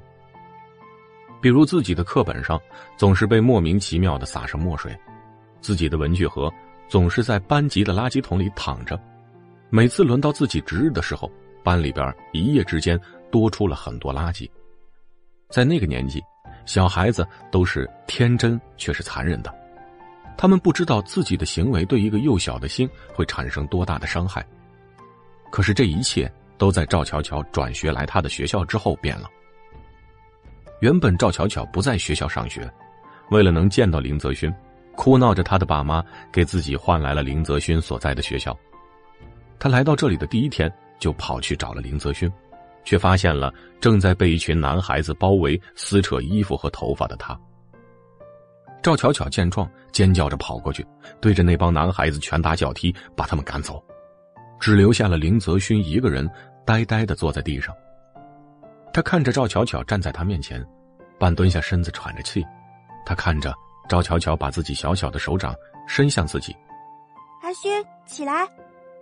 而他像是没有看到一样，沉默的从自己地上站起来。一旁的小鬼头朝他吐着舌头，没出息。靠女生救你，真没出息！赵巧巧气愤的朝着他们挥舞着拳头，瞪起眼睛。自从那次以后，每当碰到有人欺负林泽勋，赵巧巧一定是第一个站出来，不管对方是谁，即便是高年级的小孩，他也从来没有怕过。每当这时候，周围就会响起哄笑声，软骨头、吃软饭的这种嘲笑声更加厉害了。印象里，自己第一次把赵巧巧气跑了，就是因为这件事情。在赵巧巧再一次在自己面前挺身而出的时候，周围又响起了嘲笑声，说她是躲在女生后面没出息的吃软饭的。不知道从哪来的一股羞耻感，林泽勋在周围人的哄笑声中，一把推倒了自己面前的赵巧巧。你别再跟着我了！林泽勋朝着地上眼睛瞪得大大的女生吼叫着。你很烦，我不需要你救我，你离我越远越好。赵巧巧惊讶的眼神，她这辈子都忘不了，真是可笑啊！第一次有勇气大声的说出话来，却是对着一个一直想要保护自己的人发脾气。每当想起这段记忆，林泽勋都会在心里暗骂自己是个混蛋，虽然自己已经做了这么多年的混蛋。本集第七十二集，在寝室无聊刷剧的赵巧巧，突然被舍友问起要借自己的化妆品。用吧用吧，反正我都不怎么用了。这不像你啊，平时咱们寝室就属你化妆最勤快，也就你化妆最浪费嘛。舍友一边在他鼓鼓囊囊的化妆包里边翻找着，一边说着：“可不是嘛，每次眼线、眼影加口红都要涂涂抹抹半天。”另一个舍友也插进话来：“最近的确觉得你都不怎么化妆了。我天生丽质呗，不用化妆。”赵巧巧躺在床上，笑嘻嘻的说着。在舍友的一众白眼里，她手机的短信铃声响起来，翻身拿起手机一看，赵巧巧顿时呆滞了一下，屏幕上赫然是阿勋。学校咖啡厅内，赵巧巧推开门走进去。一眼就看见了坐在靠窗位置的林泽勋。有多少天没有见到他了呢？上次自己赌气跑掉，结果这小子一点表示都没有，没有台阶下，自己也不好再去找他。赵巧巧的脑海里出现了他给自己发的短信。打开短信的那一刻，他简直有一丝呆滞。短信里，林泽勋说道：“巧巧，我有一件事情想和你谈一谈。”我们宜轩见。要知道，林泽勋从来没有这样叫过他，除了“喂”，哎，你这种称呼之外，他从来不会称呼他为“巧巧”。这次他叫自己来，会说什么呢？应该就是说他不是故意的，让他不要在意，回到他身边吧。不管怎样，赵巧巧想着，不管他怎么说，自己都会原谅他的呀。只要他向自己迈开那一步。那么，赵巧巧就会朝着他把剩下的九十九步通通走完。走到林泽勋的座位前，赵巧巧坐了下来。原味奶茶，加一份珍珠。林泽勋看起来似乎有些不好意思。我记得你喜欢喝，应该没错吧？赵巧巧这才注意到自己面前摆着一杯奶茶。听到林泽勋的话，他有点不敢相信自己的耳朵。端起杯子喝了一大口，赵巧巧抬起头，看着对面的林泽勋，眼神里充满了难以置信。怎么啦？林泽勋见到赵巧巧直勾勾的看着自己，伸出手挠挠自己的后脑勺。嗯，难道是我记错了？嗯嗯，没有没有，挺好喝的。赵巧巧急忙摆摆手，只是，你很少对我这么用心，我还以为这么多年来。我对于你来说只是一个强加于你的累赘罢了。面前的女孩子，眼睛里面满是亮晶晶、细碎的光泽。林泽勋感觉到自己的心似乎是紧了一下。对不起。咬着吸管的赵巧巧听到这句话，简直不敢相信自己的耳朵。原本以为林泽勋只是会说他不是故意赶他走的，还会拽拽的、酷酷的告诉他：“别闹了，快回来。”赵巧巧没有想到，自己面前这个一直以来从来没有正眼看过她的男孩子，竟然会对她道歉。面对林泽勋突如其来的道歉，赵巧巧显得有些慌乱。一直以来，他都已经习惯了他恶劣的态度。每当他对赵巧巧凶巴巴或者是不耐烦的时候，他都会嬉皮笑脸的贴着他，蹭着他，发挥自己厚脸皮的功力来强行黏住他。可是，面对这样柔和的林泽勋，赵巧巧却不知道该如何是好。哎呀，道什么歉嘛，这个一点都不像你啊，勋哥。他试图嬉笑着避开林泽勋看起来很认真的眼神，却是终究没有忍住自己的眼泪。你跟我道歉有什么用呢？你又不是不知道，就算你再怎么对我不好，我都不会离开你的。有什么东西在赵巧巧看似顽强不屈的心房里悄然崩裂？一袭决堤一般的洪流冲破了她一直以来构建出的强大防线。原本一直在努力装作无所谓的女孩，终于露出了脆弱的表情。就算你心里从来都没有我，就算你无数次嫌我烦，想要把我一脚踹开，可是我还是会黏着你不放的。你根本就没有必要对我道歉。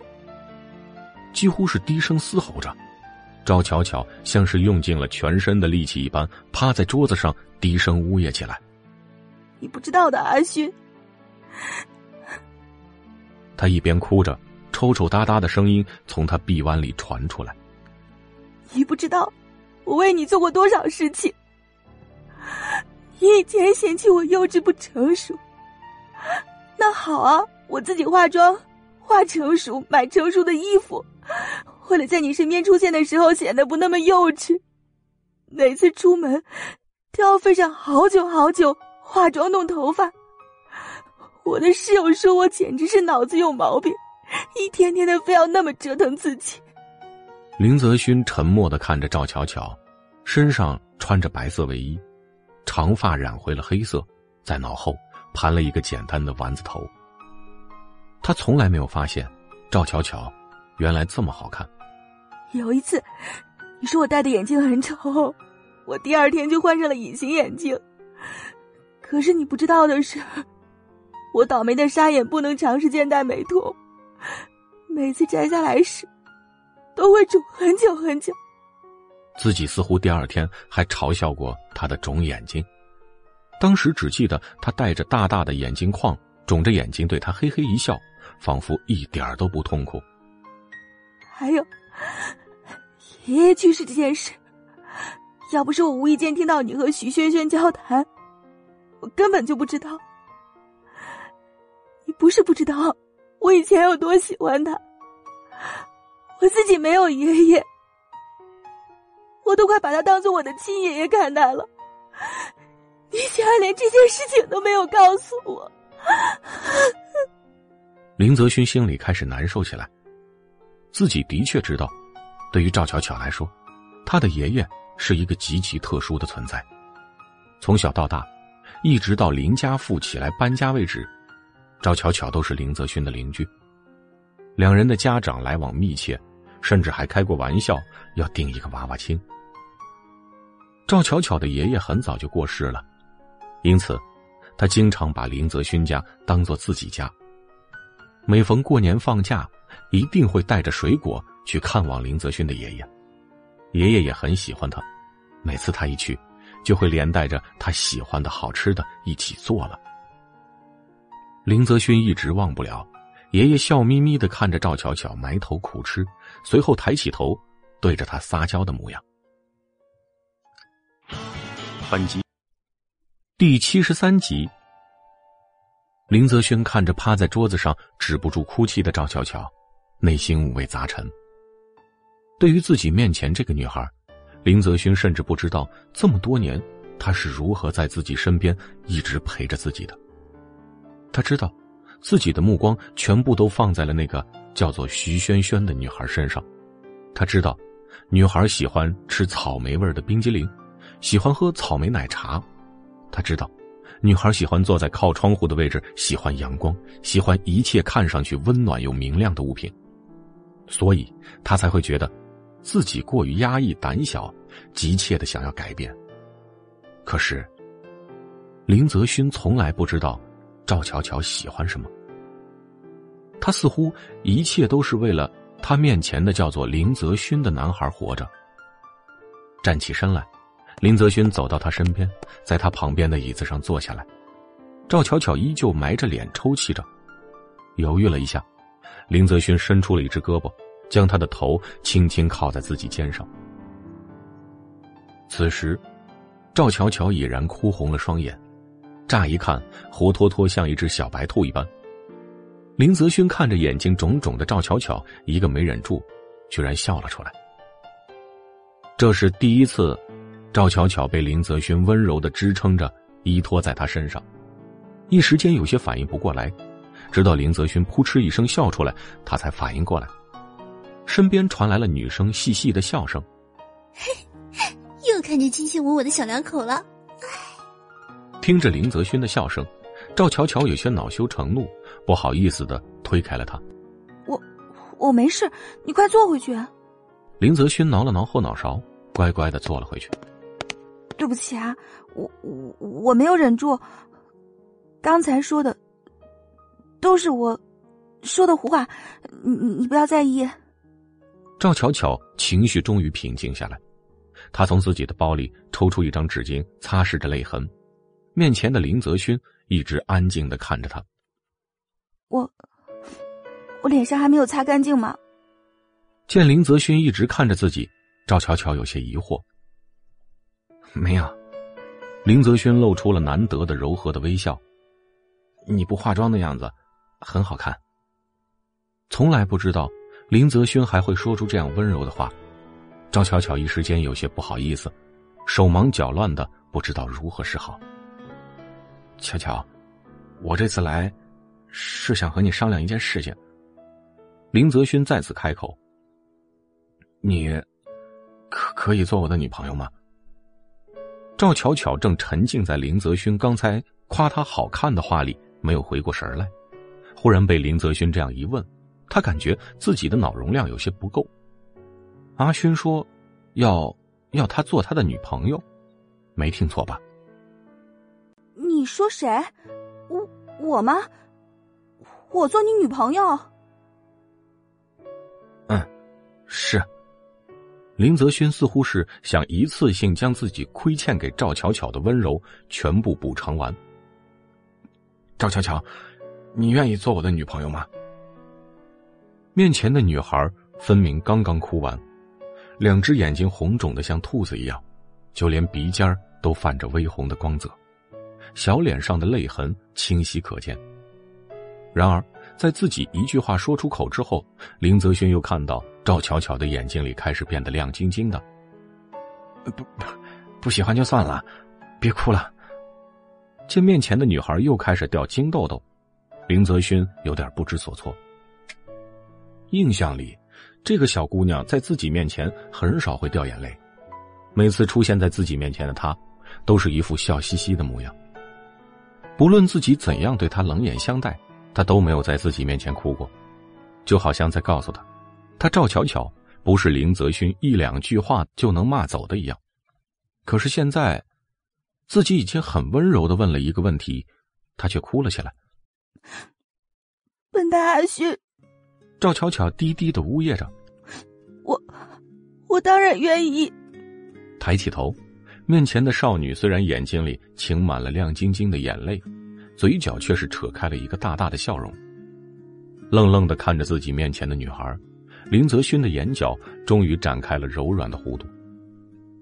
研究生院的电子电工实验室里，刚刚做完一组实验的刘子明从实验室里出来，摘下手中的绝缘手套。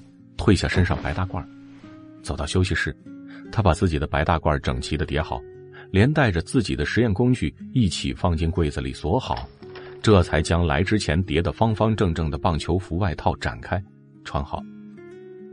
走出实验楼，刘子明摸了摸自己兜里的手机，发现只剩下百分之一的电量。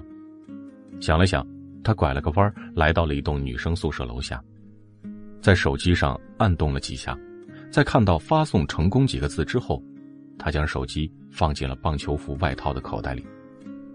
过了两秒钟，刘子明听到了宿舍楼拐弯处传来熟悉的短信铃声，伴随着一个略有些沙哑却很温柔的男声：“哎，乔乔，是你的手机铃吗？”穿着白色卫衣、双手放在背后的女孩子，面朝着高瘦的男生，倒着走起路，丸子头上下晃动着，蹦蹦跳跳的样子，俏皮极了。不管啦，现在是我和阿勋的独处时间。赵巧巧嘿嘿一笑。谁都不会打扰我们哦。说着话，两人已经来到了宿舍楼的门口，在林泽勋面前站定。赵巧巧手中捧着刚刚没有喝完的奶茶杯子，举到了林泽勋的面前。今天，他见证了我们在一起的时候，所以我要好好的把它保留下来。林泽勋看着面前满脸都洋溢着笑容的赵巧巧，失声一笑：“你喜欢，每天我们都去喝一杯，好不好？”嗯嗯，赵巧巧捧着杯子如获至宝。那，阿勋，我该回去啦。嗯，林泽勋微笑的看着赵巧巧，却在还没有反应过来的时候，就感觉到面前的女孩子像是一只寻找妈妈的小北极熊一样，裹在宽松的白色卫衣里，直直的扑向自己。谢谢你，阿勋，我真的好开心。低头看向自己怀中柔软的一只小北极熊。林泽勋下意识的伸出手，轻轻环抱住他。那，我走了。和扑进来时一样突然，小白熊又从自己的肩膀里钻出来。再见，阿勋。本集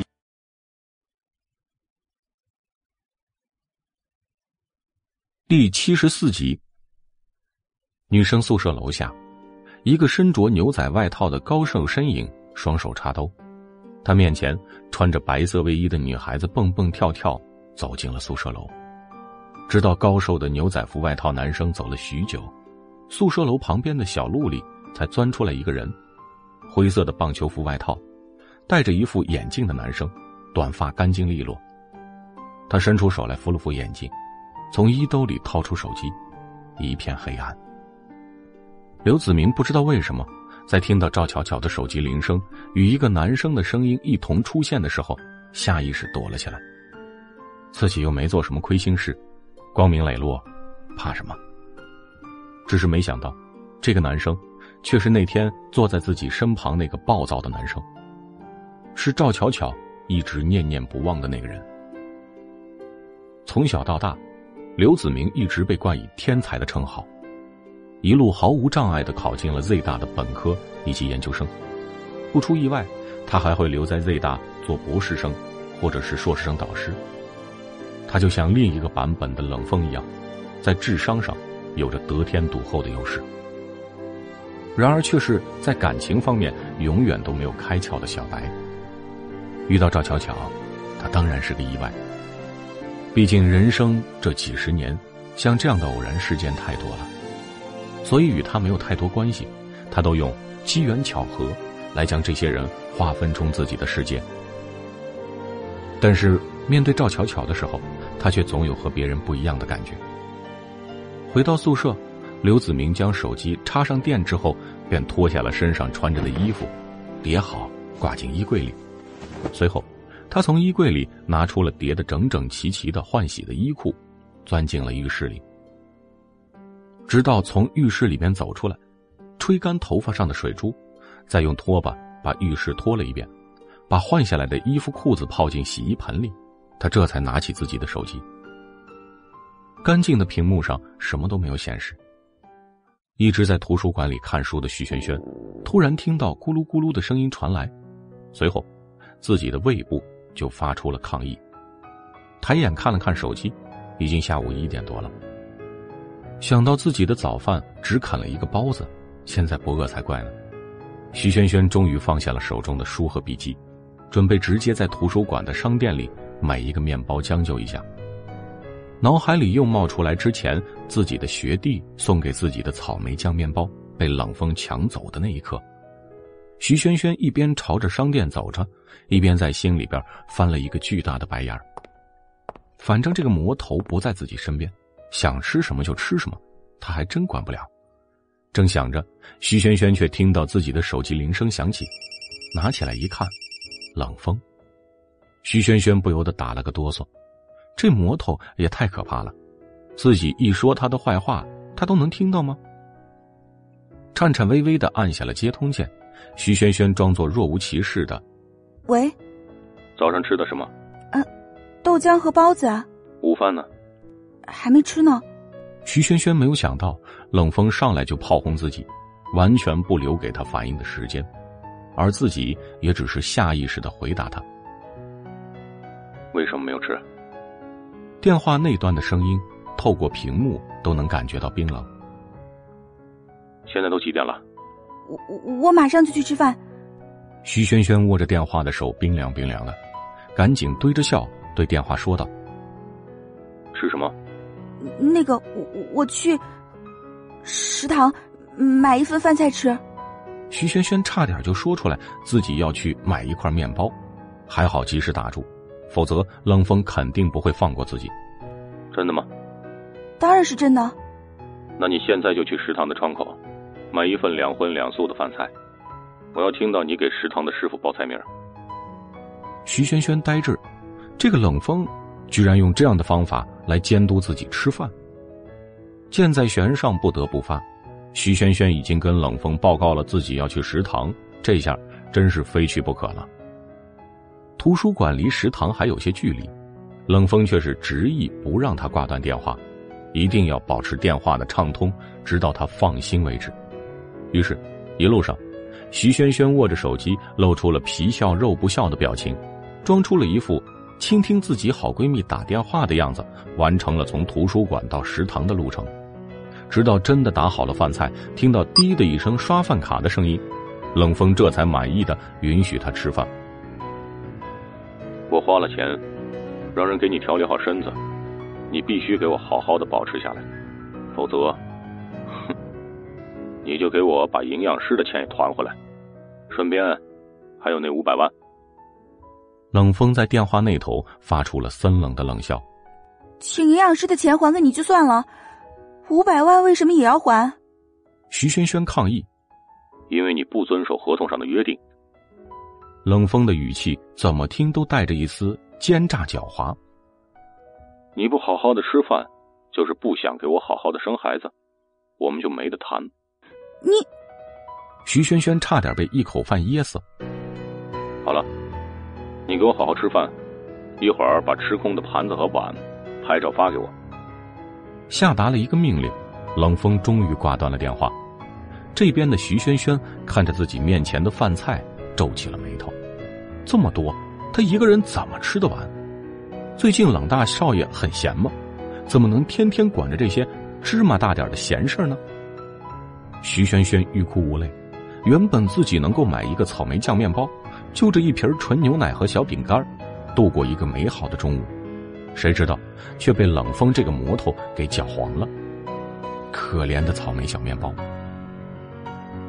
冷氏集团董事长办公室，手机铃声响起，冷风从一堆文件中抬起头，看了一眼屏幕，赫然是徐萱萱的短信。打开一看，是一张照片。上面是一个空了的盘子，还剩下一点米饭的碗。副文：冷总，不瞒你说，我吃完这顿饭以后，觉得自己胃不太好了，所以，我下次能少吃一点吗？冷风看着徐萱萱的回复，有些无语。原本他并不想管这件事情，这种事情，只要交给管家他们管就好了。可是这个小妮子。又倔又蠢，八成是不会好好听话的。冷风知道他怕自己，所以只是专门的吓唬了他一下。没想到他还真是怕自己怕到什么都听的程度。吃到撑了还要吃，果然是个愚蠢的女人。冷风刚准备放下手机，有一条新的消息弹了出来：冷总，关南区那边给你联系好了，对方约在凯局见面。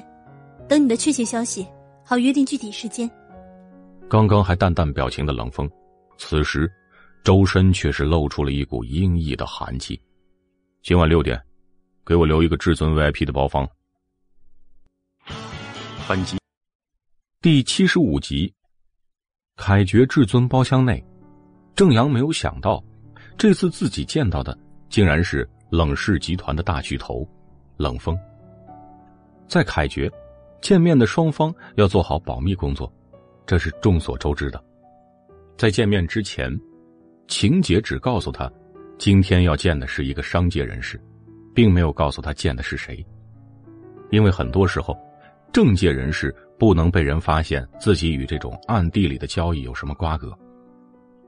但是，对于冷风这种在 Z 市几乎众人皆知的公众人物，郑阳还是一眼就把他认出来。开什么玩笑？自己只不过是 Z 市比较偏僻一个区域的小头头。不知道冷大总裁找自己是拜托什么事情？要说实力，他正阳管的可以说是 Z 市最穷的关南区。一是因为这里几乎算得上是开发区，居民很少，房区也很空旷。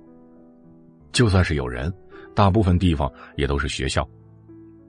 相比较于其他的商业区或者是市中心那片区域的混子头头们，他只能算得上是个土地公。比不得一些有实力的雄厚的大神仙。罢了，早就听闻冷是肥的流油，那自己这次就好好的办事，怎么都少不得自己的好处吧。郑阳这样想着，已经开始打起了小算盘。虽然说自己人不多，势力也不雄厚，但是好歹掌管着一片区域的头头。若是冷风拜托的事情是自己地盘上的事情，那自己是有几分把握办好的。冷风坐在昂贵的真皮沙发上，看着自己面前这个文弱书生一般的少年，感觉到了一丝压抑。虽说 Z 市关南区基本都是大学城，比较好混，但是这样一个看起来毛都没长齐的二十多岁的青年，会是关南区的混子头头？虽然说有些讶异，可是冷风知道，凡事。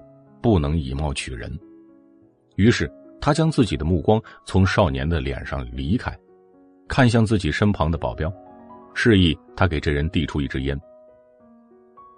谢谢。郑阳接过烟，目光一直在冷风的身上，没有挪开。冷风微微的眯起了眼睛，没有说话。郑阳根本就没说过自己抽烟，心里止不住疑惑：这个冷风是怎么看出来的？但是也不能表现出来。便只好借着点烟的功夫，将自己的疑惑全部埋在肚子里。听说关南区在郑先生你的手下管理，我此次前来，就是为了你手下关南区的一些事情。冷风说话的时候，表情一直没有变化。郑阳微微点头，做出专心听的姿态。Z 大那片区域，也归你管吧。郑阳想了想，答道：“啊，你应该知道，关南区有很多学校，我一个人是管不了那么多学校的，所以，我们也是派人分别去管理的。最大那片区域，最近倒是没怎么在意，不过，最上头的都是我就对了。”郑阳深吸了一口烟，开门见山吧，说说要办什么事情。虽然面前的青年年纪小，但是确实不是什么省油的灯。这一番说辞很是老练，很是成熟，明显就是让冷风尽快说出事情，他好权衡一下利弊，再透露出更多的信息。没什么事情，就是想让你保证 Z 大周边不瞒你的人，一有什么风吹草动，就把消息上报，而且必须是忠心于你的，机灵点儿。办事情认真的。什么是风吹草动？就是与这个女孩子有关的事情，你都要上报。郑阳的面前出现了一张照片，上面赫然是徐萱萱。啊啊！也就是说，你的要求是监视这个女孩。郑阳感觉到有些无厘头，堂堂冷氏总裁，这样大费周章的，就是为了监视一个人吗？看上去还是一个人畜无害的女孩，算不上监视，就是只要她一出现在学校之外，你的管辖区域之内，就必须有人知道她的行踪，明白我的意思吗？学学学校以外，不用跟进学校吗？不用。冷风摇了摇头，脑海中闪现出了徐萱萱倔强的说着“不要跟他进学校”的模样。这个白痴女人为什么这么麻烦呢？郑阳有些犹豫起来，自己的人手原本就不够，像这样去围着一个人团团转，明显是力不从心。万一这个小姑娘就喜欢不停的进进出出学校，喜欢在学校外面跑来跑去，那自己的人显然没办法查看周全。见郑阳似乎在犹豫，冷风对着自己身边的保镖使了一个眼色。郑阳只见自己面前的桌子上多出了一张支票，上面的数字让他以为自己多看了一个零。这三百万发了。郑阳只觉得自己的脑袋里冒出了这两个字，果然是冷氏集团大总裁，一出手就是这么阔绰。这还只是监视一个人，一下就拿出了这么多钱吗？冷风满意的看着郑阳的表情，果然金钱是万能的。这样一来，郑阳应该是没什么好拒绝的。果然，对面这个青年在看到这张支票的时候，原本平静的神色有了些许变化。仔细听一听，能够听到他发出了略微急促的呼吸声。伸手接过了支票。郑阳笑了笑，冷老板的大方，果然是名不虚传呐。至尊包厢房的门被打开，等候在门外的礼仪小姐们早已经摆好了标准的仪态和微笑，对着包厢里的人鞠躬问好。郑阳带着身边的几个身材高大的男人走出了包厢，来到了凯爵会所门外，径直走向了一辆看上去有些旧的吉普车。这几个男人。便是他在关南区混了这两年结下的好兄弟。原本只是一个大学生的郑阳，机缘巧合之下认识了社会上这几个人。他有胆有谋，略一思索便加入他们。自此，这几个人在这片区域混得风生水起，中间少不了郑阳的功劳。一上车，所有人忍不住开始欢呼雀跃起来。杨子，这把可是赚大了啊！一个留着光头、胳膊上有一道刀疤的男人，看着郑阳手中的支票，用力拍了一下他的肩膀。郑阳呵呵一笑，原本并不知道这次会被委托什么样的任务，谁知道，对方竟然是鼎鼎大名的冷氏集团董事长。本集第七十六集。不过。这钱也不是很好拿，要是找人打个架还好说，这种盯梢的活不好干呐。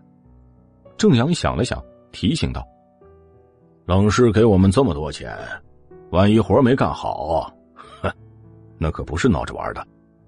从今天起，派手下最机灵的小弟，在 Z 大周围看看清楚，把守住每一个校门口，一定要保证。”那个女孩随时在我们的视线范围之内。把任务安排下去，郑阳坐在吉普车的后座上，留着一个人开车。耳边的兄弟们兴奋的讨论着如何支配那三百万，郑阳却是看向窗外，脑海中浮现着刚才在凯爵会所与冷风交谈的场景。真不知道这个女孩是何方神圣。能让冷大总裁这种人肯花这么多钱来监视他？想了想冷风对自己说过的注意事项，郑阳有些摸着头脑了。与其说是监视，不如说是保护。离开凯爵，冷风坐在自己的豪车上，凉薄的眸子注视着窗外的一切。晴姐一再挽留他多在凯爵玩一会儿，被他拒绝了。最近冷氏事务很多。上午刚开完的董事大会上，自己被一帮老头子们一顿炮轰，非要说什么错过了特别好的合作机会。笑话，冷氏什么时候变成这样了？遇到什么样的货色都能合作吗？更何况这个玛丽安根本就没把冷氏放在眼里，否则他怎么会这么草率的放冷风的鸽子呢？就在此时，冷风的手机铃声响起来，掏出一看，竟然是江南。自己这次来凯爵，江南是不知道的，毕竟这个人是冷子墨派到自己身边的人，自己不可能什么事情都向他汇报。冷风知道，冷子墨安插江南在自己身边的原因，除了在商业上帮助自己，更重要的是监视自己有没有按照他的要求尽心尽力的抢夺冷氏集团。若是被他知道了自己此时此刻正在凯爵这种地方，免不了又要听一番冷子墨的说教，搞不好还会引起他的疑心。趁冷风不注意的时候，又安插了几个人在他的身边。有一个江南就够冷风头疼了。喂，与与玛丽安合作的事宜，怎么又是玛丽安？冷风皱起了眉头，自己不是早就很肯定的告诉他。不跟他合作吗？而且上午刚开完董事大会，江南没有理由不知道自己是拒绝与玛丽安合作的。不是都说了吗？怎么还提这件事情？听着冷风不善的语气，江南握着手机的手感到了一丝寒意。你是拒绝了，可是这次是老老老爷子同意的。什么？冷风感到了一丝讶异，难道？是爷爷同意的，具体情况跟我说一下。江南能够听出冷风声音里有讶异，苦笑了一声，说道：“啊，是这样的，刚刚我在处理之前，你给我的工作，突然接到了老爷子给我的消息，说是要我劝一下，呃，让你接下跟玛丽安的合作项目。”冷子墨，他又搞什么鬼？冷风这样想着，却是没有说话，而是继续听着江南讲下去。电话里，老爷说这是老爷子的命令。江南揉了一下额头，不知道这个玛丽安是何方神圣，竟然能够说得动老爷子。冷风刀刻一般的眉头紧皱着，没有说话。虽然名义上他是冷氏集团董事长，可是有很多事情都在牵绊着他，比如。长辈的命令。冷红毡虽然已经下任，可事实上他依旧是冷氏集团的一大股东，并且他的身份是冷风的爷爷。他说的话，冷风没有办法拒绝。这个玛丽安也真是厉害，虽然在冷风这里碰了一鼻子灰，但是却找到了老爷子，间接的给冷风施压，当真是好手段。我知道了，详细情况。等我回去再说。说完这句话，冷风便挂断了电话。随后，他对着正在开车的保镖说：“直接开到公司。”原本想要去学校接上徐萱萱，看来得先去一趟公司，再让保镖去接他。保镖应了一声，车子在路上飞驰，驶入了市中心。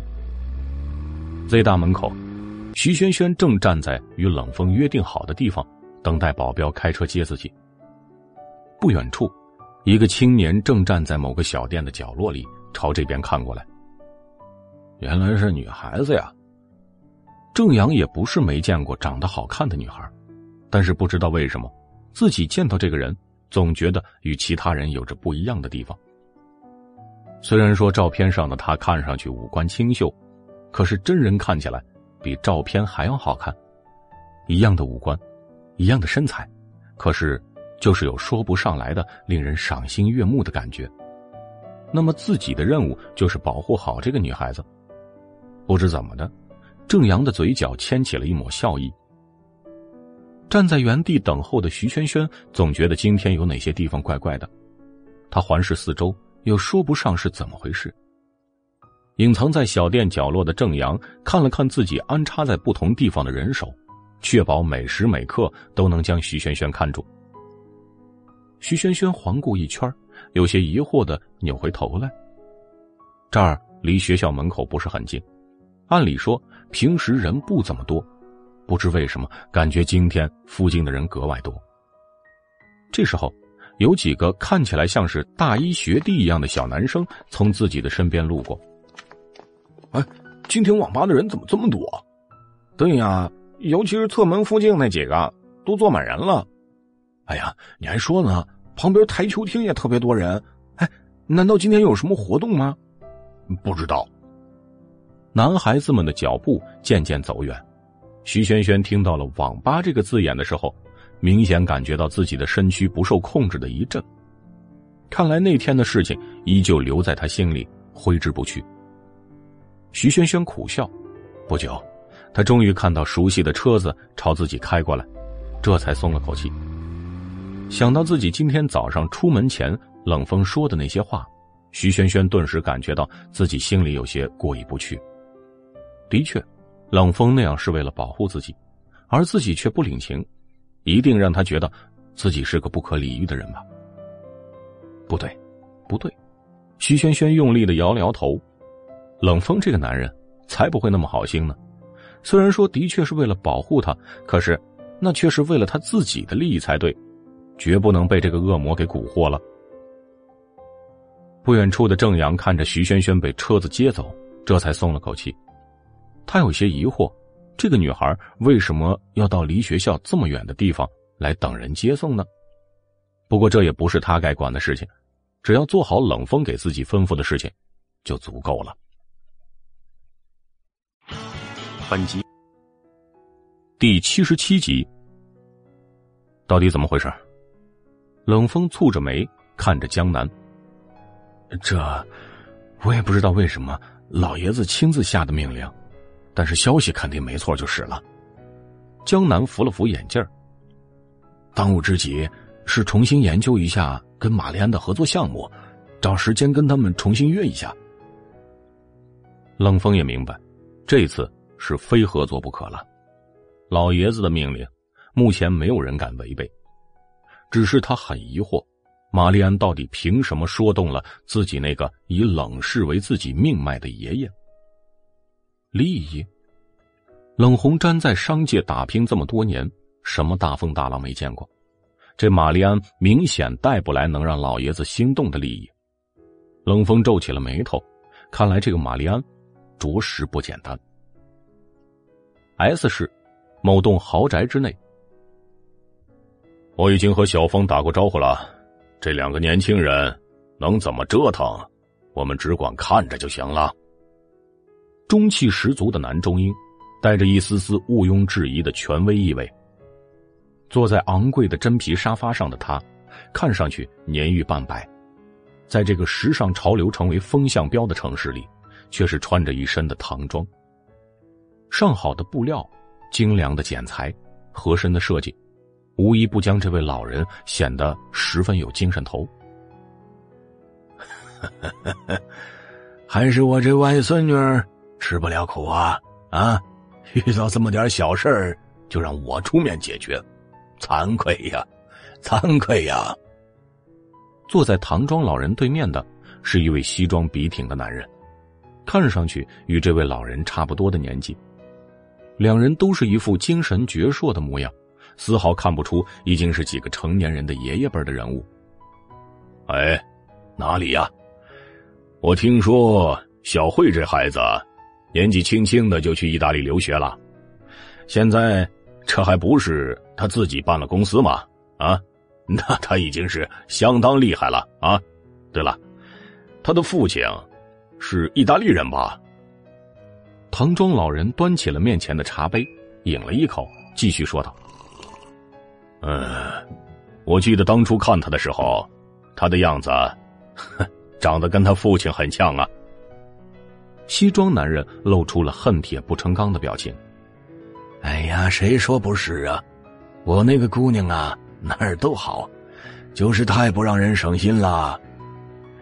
自己偷偷的跑去国外旅游，回来就告诉我。”她已经结婚了，西装老人皱着眉说道：“这对方还是个外国人，哎，你说说，这这能让我一下子接受得了吗？这，哎，年轻人嘛，不吃亏怎么能知道世界险恶呢？”唐装老人像是安慰一般笑了笑：“再说了，你这姑娘也争气呀，起码给你生了一个挺厉害的外孙女儿。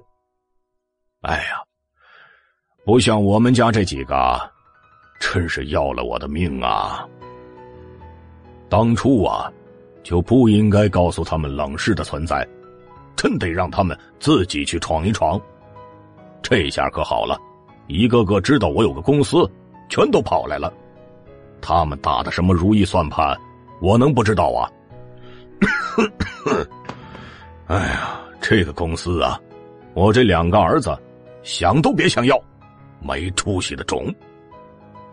唐庄老人似乎有些情绪激动，咳嗽了几声，在身边人轻轻的抚着背，顺了顺气之后，这才重新坐的板正。哎呀，老了，比不得年轻人了。哎，老友啊，我看你这个孙子挺不错的，啊，年纪轻轻就担任冷氏董事长，前途无量啊！西装男人轻轻的抿了一口茶杯里上好的茶，眼睛眯成了一条缝儿，而且呢，我家小慧。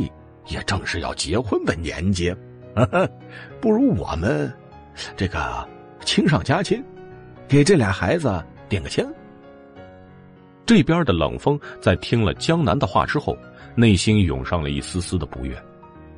联系玛丽安，他也不想，可是这个女人不知道从哪儿找到的关系，竟然说动了冷风的爷爷，让爷爷给他施压。虽然明面上冷风是冷氏集团董事长。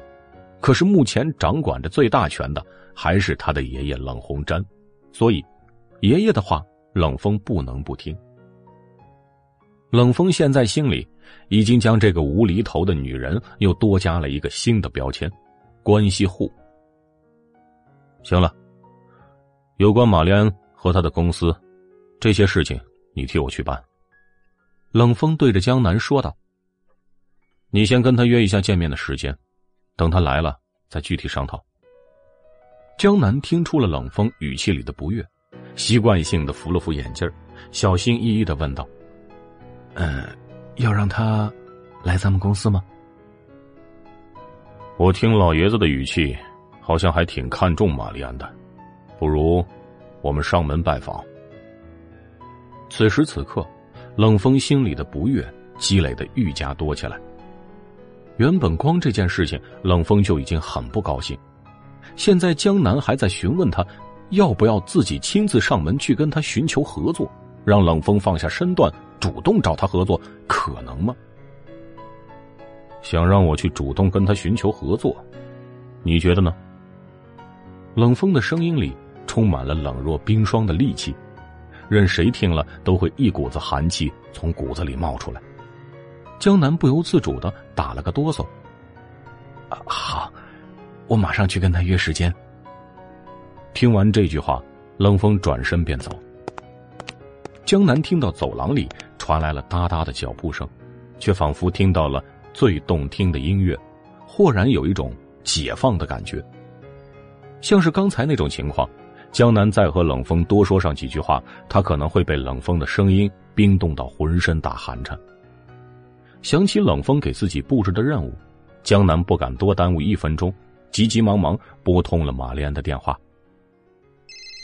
手机响起，玛丽安此时看到一个陌生的号码，嘟囔着接起了电话：“你好，我是冷风的助理江南。”挂断了电话的玛丽安显然心情很好，他知道，只要自己外公出马，就不会有什么办不成的事情。这个冷风。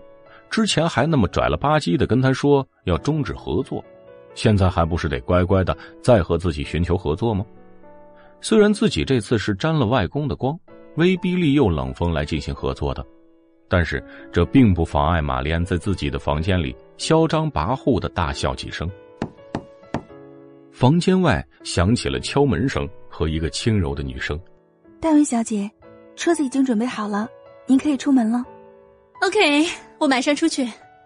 此时的玛丽安早已换做了一套笔挺的西装，站在门口换鞋的时候，玛丽安瞥了一眼门边的落地镜，身材高挑，短发微卷，五官深邃。如果不知道她是一个女人的话，光看这一点，一定会把她认成一个长相俊美的年轻男子。走出门去，助理正在门外等待。玛丽安朝着助理微微的一笑，笑容甚至带上了丝丝的妩媚的邪气，比男人更能撩拨女人的心。小助理只觉得自己被灌了迷魂汤，拼命的抑制住自己想要一个猛子扑过去的欲望。好险！小助理被这个笑容弄得满脸通红。老大果然是男女通吃啊！这边的玛丽安并没有在意自己一个随意的微笑造成了怎样的影响，而是在心里默默想着刚才冷氏要和自己合作的事情。事情变得越来越有意思了呢。冷风是吧？看你那一副油盐不进的模样，还真是激起了我的征服欲。玛丽安坐在巨大的落地窗前，目光看向了整个 Z 市最高的大厦。终有一天，我会让你彻底被我征服。本集第七十八集。回到冷宅，徐萱萱吃着王姨为自己准备的饭菜，忍不住露出了满足的笑容。自打认识冷风以来，今天难得吃一次食堂的饭菜，徐萱萱发现自己。好像胃口已经被王姨养刁了。虽然不能和顶级大厨相比，但是对于常年吃着食堂饭菜的徐萱萱来讲，王姨做的饭已经是很美味了。自己从小没有父母带着，可口的饭菜对于徐萱萱来讲是极为难得的体味。虽然说自己被生活所迫也会做饭，可是那也只能达到果腹的地步，并不能称之为好吃。而且。一直在上学的徐萱萱，也只有机会吃学校食堂的饭菜。还记得小时候，齐乐的父母邀请自己去他家做客，面对桌子上齐乐妈妈做的家常小菜，徐萱萱能感觉到，齐乐每天能吃到这么好吃的饭菜，真是太幸福了。而现在，自己面前摆放的不就是一些家常小菜吗？徐萱萱大口大口的。往嘴巴里边扒拉着米饭，王姨在一旁露出慈爱的笑容。好吃就多吃点你看你瘦的，真是让人心疼啊。他也有一个女儿，和徐萱萱差不多大，正在上高中。自己的女儿也正是用脑子缺营养的时候。虽说自己不能经常回去和她见面，但是每次回去一定会为她做一大桌好吃的来补充营养。嗯妈，还是你的手艺好。你都不知道我在学校吃饭，那不叫生活，纯粹是为了生存啊！还记得女儿一边大口大口吃着饭，一边皱着小鼻子向自己抱怨的样子。王姨看着面前和自己女儿一样大口大口吃着自己做的饭菜的徐萱萱，顿时感到很欣慰。王姨，你做的菜真好吃。徐萱萱嘴巴里鼓鼓囊囊的塞满了米饭，口齿不清的说着。我今天在学校食堂吃的菜，比你的差远了。也就是冷风不在，他吃饭的时候才可以这样边吃边说话，还能笑嘻嘻的冲王姨撒娇。要是冷风在的时候，整张饭桌上的气氛都像是临行前的最后一顿饭一样，充满了严肃的意味。而坐在徐萱萱面前的王姨，有些怔怔的看着徐萱萱出神。这个小丫头。还真和自己的女儿挺像啊，心中对于徐萱萱的喜爱不由得又多增加了一分。吃饱饭，徐萱萱想要帮着王姨收拾一下桌子，却被满脸慈爱的王姨给打发出了厨房。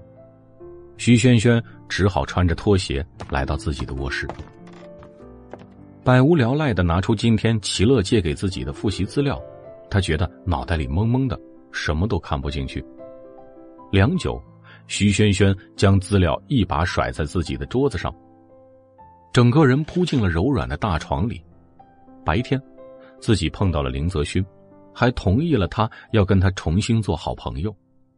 徐萱萱不知道这样做对不对，但是他从林泽勋的表情里看出来，他一定是经历了什么事情，才会突然想要跟自己重归于好的。不过至少，今天的他看起来比前段日子里。浑浑噩噩的样子要好多了，晃了晃脑袋，徐萱萱将视线移向了窗外，已然是黄昏，窗外大片的绿荫被笼罩上了夕阳的余晖，高大的树木下错落有致的分布着点点光斑，一片清秀的景色，令人心旷神怡。从他坐的窗口的位置，恰好能够看到冷风经常去的阳光房。还记得自己第一天来到冷宅的时候，老管家就告诉自己，这个房间是钱夫人的，也就是冷风的母亲特地为冷风设计的。据说大部分建造工程都是他自己完成的。一直在学习设计的徐轩轩，有着对自主设计的热爱。他在听说钱夫人自己一个人设计出了房子之后，顿时对他产生了崇敬之情。虽然自己学习的是服装设计，但是他深知设计师的不容易。况且这不是一个桌子椅子那么简单的事情，这可是一栋房子呀！不论看上去有多么简单，那都是一项非常宏大的工程。更何况，他还记得自己第一次来到冷宅，在很远的地方看过来的时候，就发现这间阳光房几乎站立在整个冷宅光线最好的位置。不仅如此，还直面着四面八方的绝佳的风景，地势的选择也是精心挑选的。房子的外观简洁大方，窗型、门型都是很好看的款式。对于色彩和形状有着敏锐的眼光，徐萱萱特别注意了一下。就连房子外面的一些管路的地方，都被很好的当做了装饰的一部分，俨然与整个房子融为了一体。正是黄昏时，温柔的金色阳光倾泻在这间房子上，反射出了无比柔软的色彩。树木的枝桠挡住了那一部分阳光。在屋外投下了斑斑点点的阴影，一动一动，就像是太阳光玩着捉迷藏一样调皮。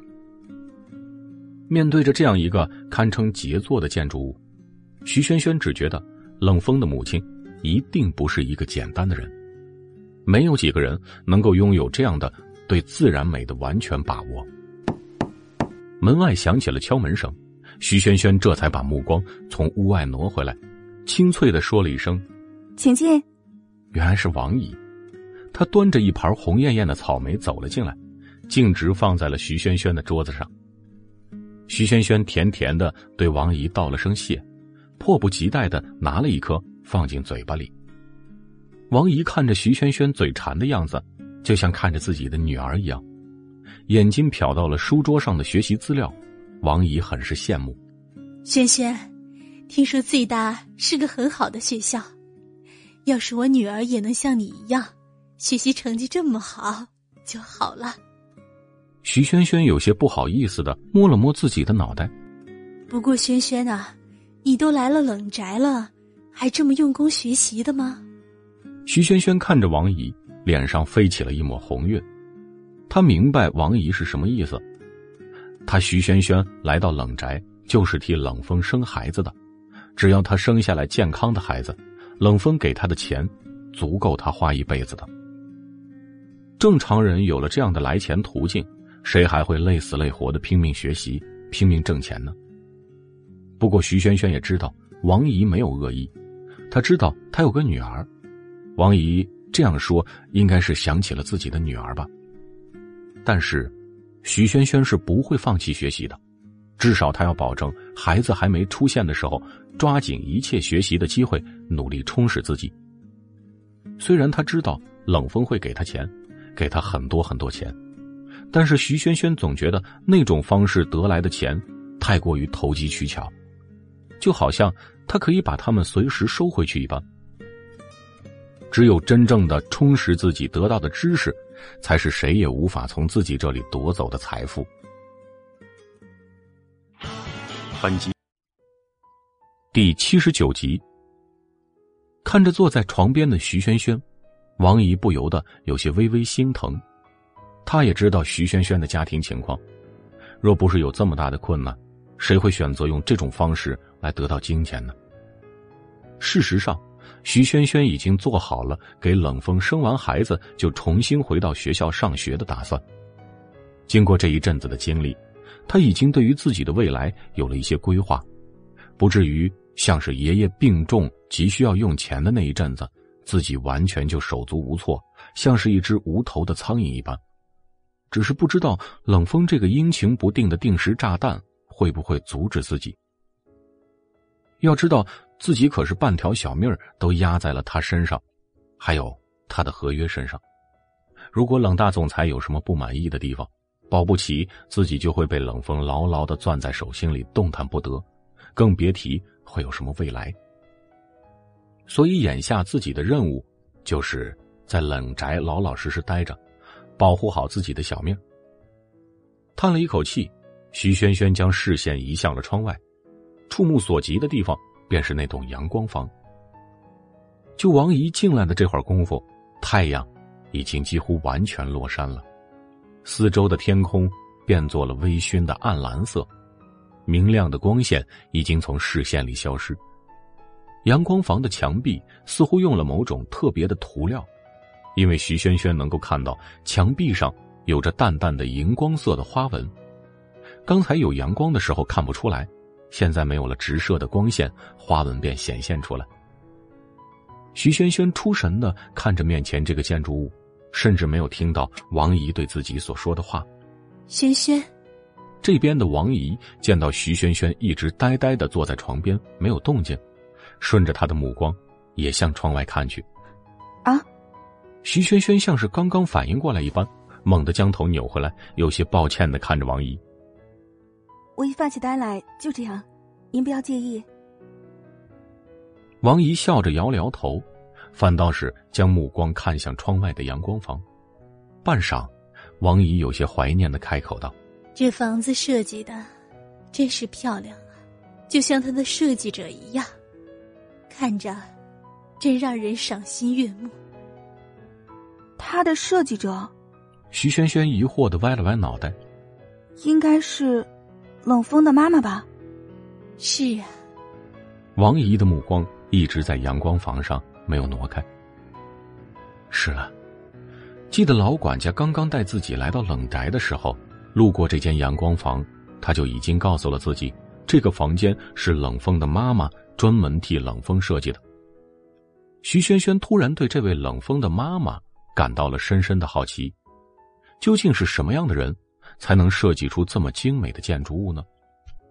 这间阳光房啊，是独属于少爷一个人的，就连我都没有进去过几次。王姨说着，那仅有的几次，每一次进去，我都会流连忘返。毫不夸张的说，这间屋子的设计，简直就像一个精美的艺术品一样。我敢保证，每一个进去的人，都不会想要离开那里。听着王姨的这番话，徐萱萱却是更加好奇，真的好想进去看一眼呢。现在，徐萱萱几乎已经可以认定，冷风的母亲是一位伟大的设计师，至少自己看到了这阳光房，足以证明这位夫人的设计水平是多么精湛。此时的徐萱萱对冷风的母亲的好奇心愈加的强烈起来。毕竟自己小时候的梦想就是成为一名出色的设计师，在大学里学了这么长时间的设计，可还是被冷风母亲的杰作所折服。若是这位夫人还在世的话，自己一定不会放过与她交流的机会。只可惜，唉，夫人有着这般的才华，却英年早逝。太让人可惜了。王姨默默的摇了摇头，轻声叹息：“王姨，你能给我讲一讲关于这位夫人的事情吗？”看着王姨皱着眉头、惋惜叹气的样子，徐萱萱终于没忍住自己的好奇心，还是问了出来。王姨看了看徐萱萱，眼神里带着些许的讶异：“因为，因为我也想成为一个设计师。”听说这位夫人是一个非常出色的设计师，我很好奇，他到底是个什么样的人？徐萱萱有些不好意思的说道：“ 也罢。”听闻徐萱萱的话，王姨微笑着轻轻叹了口气。自从钱夫人离世后，我们怕少爷伤心，甚少提及到钱夫人。少爷的话也不多。更是不会怎样谈及自己的母亲。现在已经过了这么久了，有人聊一聊他的事，也是好的。随后，王姨并没有再说什么，看样子似乎是陷入了回忆当中。前夫人名为洛彩渊，光听名字就给人感觉是一个出自书香门第的大小姐。的确，以前夫人的样貌和才华，放在古代，必定会成为名震一方的奇女子的。王姨说着这话的时候，满脸都是尊敬和惊艳的神色。这该是怎样的一个女子，在离世这么久之后，被人提及的时候？依旧充满了对她的敬佩，徐萱萱不由得啧了啧舌头。在嫁到冷家之前，钱夫人是某个集团的董事长千金，只不过出自商业世家的洛彩渊并不喜欢商界的那些利益计较、尔虞我诈。对于那些资产数字，他感到很头疼。相比之下，他更喜欢写写画画，喜欢清静自然，喜欢一些无拘无束的生活。人如其名，钱夫人是相当喜欢那些写写画画的文艺事业。听说她是家里最小的女儿，所以骆老爷子就随她去了，并也放弃了将她培养成商业精英这一想法。所以说，这个骆彩渊自小过着衣食无忧的富足生活，有足够的经济能力和时间来游山玩水，感受自然。放飞自我，怪不得是这样一个有灵性的女子，能够设计出这样美好的建筑物。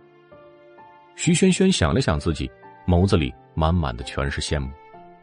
如果自己也出生在这么一个富裕家庭，而不像现在这样成天为了谋生而奔波劳累；如果自己也可以拥有那样良好的先天条件，不用为了以后的生活操心，那该有多好啊！那样的话。自己肯定能有足够的时间来进行自己想做的事情，完成自己一直以来都想要完成的梦想。本集第八十集。正当徐萱萱羡慕不已的时候，王姨接下来的话将她刚才的想法全部粉碎掉。其实钱夫人和老爷并不是因为相爱才结婚的。王姨神色很是复杂。虽然他们明面上看起来很恩爱的样子，但是我们这些做下人的，成天在他们周围打转哪能不知道他们私底下是什么样的呢？老爷和钱夫人他们两个人，连相敬如宾都算不上，基本上是过着貌合神离的生活。我们跟随了他们这么长时间，从来没见到过。他们表达过对对方的感情，甚至在有了少爷之后，老爷和钱夫人便没有在同一个屋子里睡过觉。王姨深深的叹了一口气：“没有爱情，那为什么还要结婚？”徐萱萱感到很不可思议，因为那个时候，老爷为了公司有求于钱夫人的父亲。原来这就是所谓的。商业联姻，徐萱萱这下算是彻底不再羡慕洛彩渊的家世了。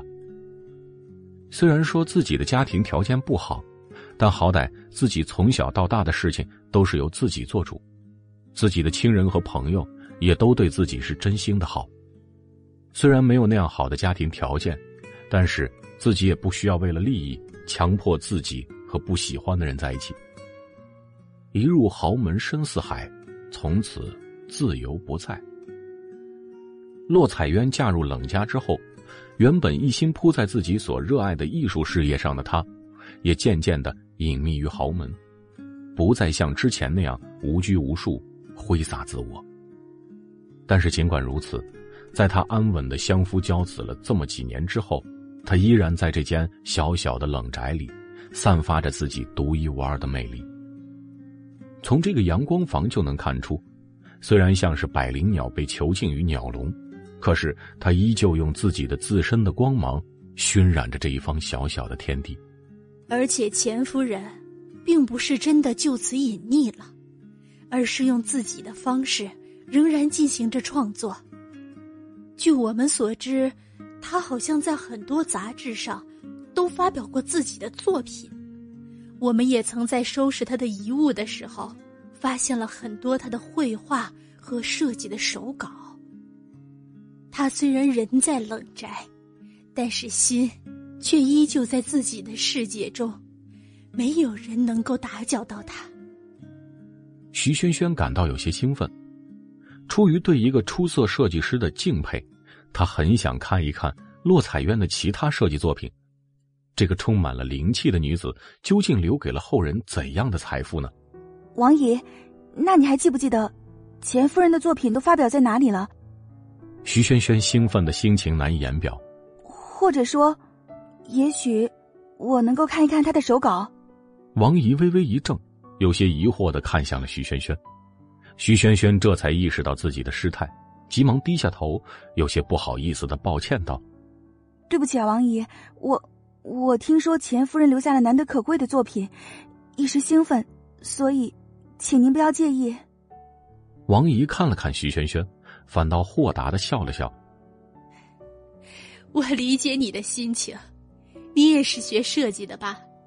那你的理想一定是成为一个设计师。急于拜读前辈的作品，这没有什么的。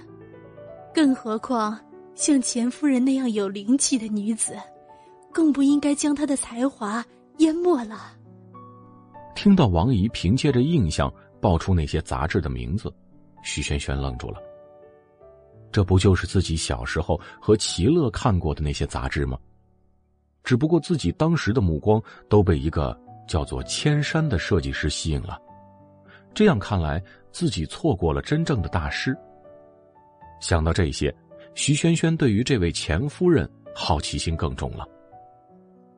能设计出那位叫做千山的设计师的作品，一同登上这个杂志的作品。钱夫人一定有着自己独特的设计风格和设计理念。如果有机会的话，自己一定要在齐乐家将那些杂志全部都翻出来，再好好的看一遍。唉，钱夫人这样有才华的人，就这么走了，最可怜的还是少爷呀。王姨的眼睛里似乎有泪花闪烁。依旧沉浸于对于这个奇女子的震惊当中，徐萱萱听到了王姨说着冷风可怜的话，不由得撇了撇嘴巴：“哼，他有什么可怜的？成天就知道欺负我，有我可怜吗？”王姨像是听着自己的儿女小抱怨一样，微微的笑了笑，眸子里依旧是惆怅的色彩。别看少爷现在成天板着个脸，没有什么表情，也不会笑。但是小时候的他，可不是这样。王姨的脑海中出现了幼年时的冷风，嘴角不由自主的上扬。少爷小的时候，最喜欢黏在钱夫人的身边，成天追着她的身后跑。钱夫人不但是个设计师，还是个非常温柔的母亲。她很会哄小孩子玩，会给少爷做很多有趣的小玩意儿。会给少爷画好看的画，做好看的衣服，还会给他讲很多神奇的故事。不像我这个老婆子，翻来覆去的就只会给少爷讲一些平淡无奇的老掉牙的故事。王姨还记得，钱夫人刚刚去世的那段时间，少爷成夜成夜的哭闹着睡不着觉，为了安慰他，自己便在他床边给他讲故事。可是，故事还没有讲几个，小小的冷风就皱起了眉头。我不喜欢听这样的故事，我要听妈妈给我讲的。王姨有些手足无措，也是，这么小的孩子，母亲说没就没了，能不这样的思念吗？看着冷风泪眼汪汪的小脸，王姨只得摸摸他的头，哄他入睡。这一招屡试不爽，因为钱夫人总是在冷风睡不着的时候这样做。很快，不管多么精神的小孩子，都会在这样柔软的抚摸下，沉沉的睡去。少爷以前是个很可爱、很爱笑的孩子。那个时候的他，给人的感觉就是和钱夫人很像很像，是一个充满了灵气的孩子。徐萱萱怎么也想象不出冷风爱笑的样子，也无法想象到现在这样，像是计算机一样冰冷的商业机器，曾经会是那样可爱的小男孩。也许，是和钱夫人待的时间很长，所以少爷的一切言行举止、精神思想，都像是另一个钱夫人一样。而且，少爷是个特别聪明的人，从他的小脑袋里蹦出来的东西，有时候都会让钱夫人感到惊讶和喜悦。钱夫人因此还专门为了少爷。做过一组设计作品呢。本集第八十一集，只不过早已不见了踪影了。王姨的神情里也带着不解，兴许是被钱夫人藏起来了吧？哦。徐萱萱拖着下巴，光顾着听王姨讲故事了，桌上的草莓还没怎么吃。难以想象，这样冰冷冷的冷风，完全看不出有什么艺术细胞的冷风，会是这样一位女子的亲生骨肉。也难以想象，冷风曾经会是那样的无助，那样的可怜。毕竟那么小的年纪就失去了自己的母亲。虽然说自己和他这个情况差不多，可是这么多年，早就已经习惯了照顾自己。他徐萱萱可是打不死的小强。皮实着呢，但是冷风，徐萱萱突然感到鼻子有些酸酸的。其实她用脚趾头也能想象出来，外表看上去那么光鲜亮丽的冷风，至少是吃了几十倍、上百倍的苦，才能有今天的成绩。虽然不懂他奢侈的生活，可是自己懂他经历的痛苦。虽说自己活了这么多年，没有过过什么衣来伸手、饭来张口的好日子。可是自己吃的苦也不多，而且自己这小门小户的，根本不必在意别人的眼光。但是冷风不一样，他生于这般高耸威严的豪门之中，虽然说含着金钥匙出生，但也必须要有拿得住金钥匙的贵体。洛彩渊便是一个很好的例子。他不喜欢商业纷争，一心只想着自己喜欢的事情而活。可惜，他生于豪门，既然享受了豪门给他的衣食无忧，那么就要为之付出自己的自由。由于没有商业上的作为，那么他便只能成为商业联姻的牺牲品。徐萱萱突然有点庆幸，冷风没有选择成为他母亲那样的人，至少要先有了能够掌握自己的能力，再去谈论梦想。徐萱萱一直便是这样的。如果他是冷风，他也会拼了命的在冷氏集团占到自己的一席之地，至少这样，别人不会轻易的摆布自己，至少这样，自己还能够掌握自己的命运。突然间，徐萱萱感受到来自高处世界的深深压迫。越是光鲜亮丽的外表，内在就越是令人胆战心惊的黑暗，这便是所谓的“高处不胜寒”吧。真想不到。冷大总裁还会有笑的时候。罢了罢了，他不笑还好，他一笑，我都得瘆得慌。徐萱萱想象了一下冷风阴惨惨的笑容，急忙晃了晃脑袋。一老一少房间里聊得正火热，没注意到房门被人推开了。我笑起来怎么了？听到这个声音，徐萱萱条件反射一般，腾的从床上坐起来，随后立定站好。没没什么，你笑起来很好看。一旁的王姨见状，没能忍住笑意，扑哧一声笑出声来。难得听到有人夸赞少爷笑起来好看，徐小姐当真是好眼光啊！徐萱萱挠着头，嘿嘿的傻笑。见到站在门口的冷风没有要走的意思，他也是脑袋抽了。一个转身，将桌上的草莓端在手里，凑到了冷风的面前，小心翼翼的举起了一只个头看起来最红、最大、最多汁的草莓，递到了冷风的嘴边。请冷大少尝一尝，肯定很好吃的。冷风一直看着许萱萱，没有说话。良久，徐萱萱感到自己的手都举酸了，笑容在脸上都僵硬了。冷风这才张开了嘴巴：“我不喜欢吃草莓。”几个字让徐萱萱愤愤的一屁股坐在地上，顺便将手中的草莓一下丢进自己的嘴巴。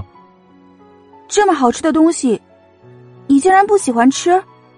看着徐萱萱献殷勤不成，干脆一屁股坐在地上耍赖的样子，冷风不由得生出了一种想要打人的冲动。是自己最近对他太和蔼了吗？什么时候这个小姑娘开始学会对自己耍赖了呢？一把将徐萱萱从地上拎起来，冷风的声音里满是冰碴子。今天穿的衣服不错，准备当抹布擦地吗？你要是喜欢的话，今天就让女佣休息一天，你替他们擦地。听到这话，徐萱萱一个鲤鱼打挺从地上跳起来。抱着自己的屁股躲在了床上。冷风见徐萱萱终于乖了，这才嘱咐了王姨几句，离开了徐萱萱的房间。自己笑起来，很好看吗？冷风摸了摸脸颊，嘴角试图抹出一抹弧度，生硬的面部肌肉告诉自己，笑容这个动作对他来说，没有肌肉记忆的存在。不知道有多久没有发自内心的笑出来。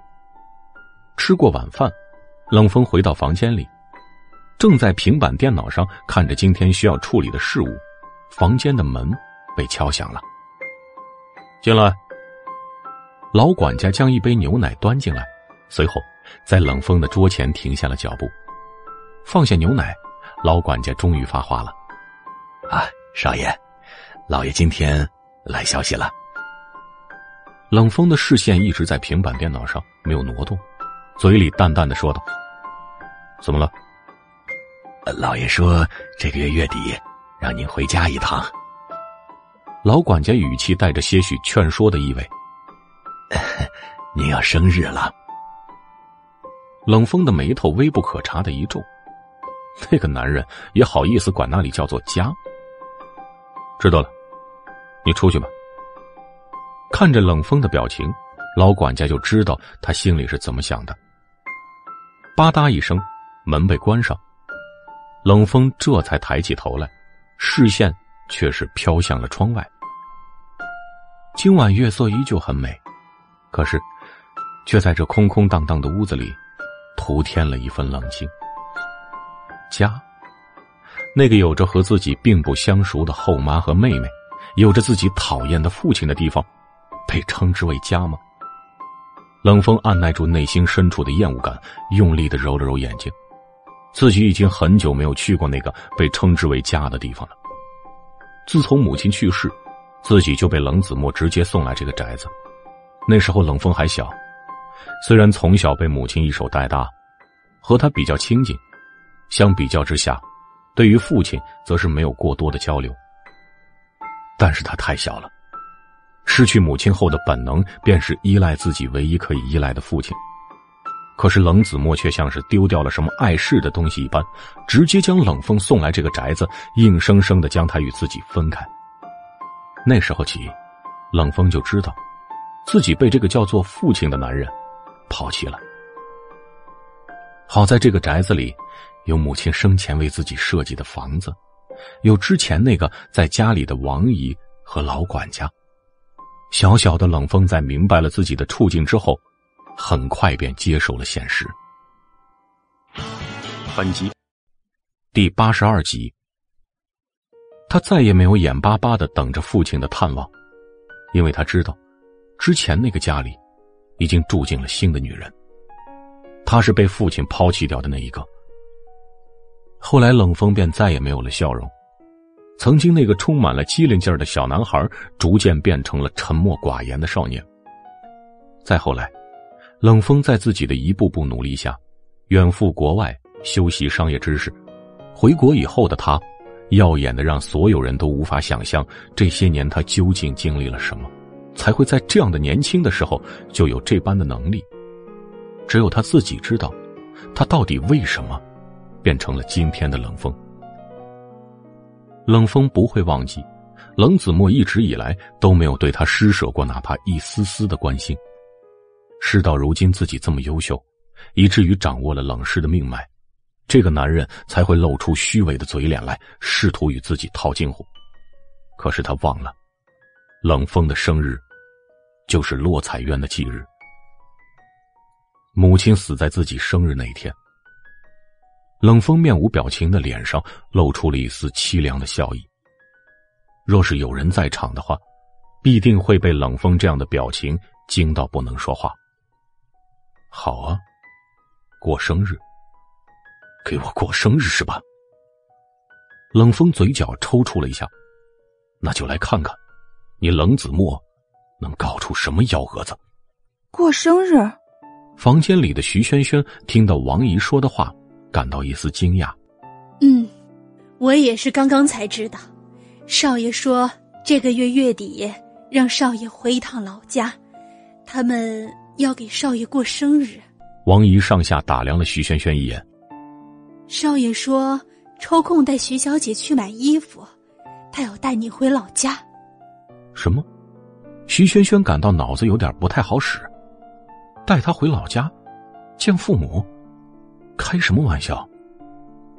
王姨见到徐萱萱一副脑袋短路的表情，顿时被他逗笑了。这也是老爷的意思。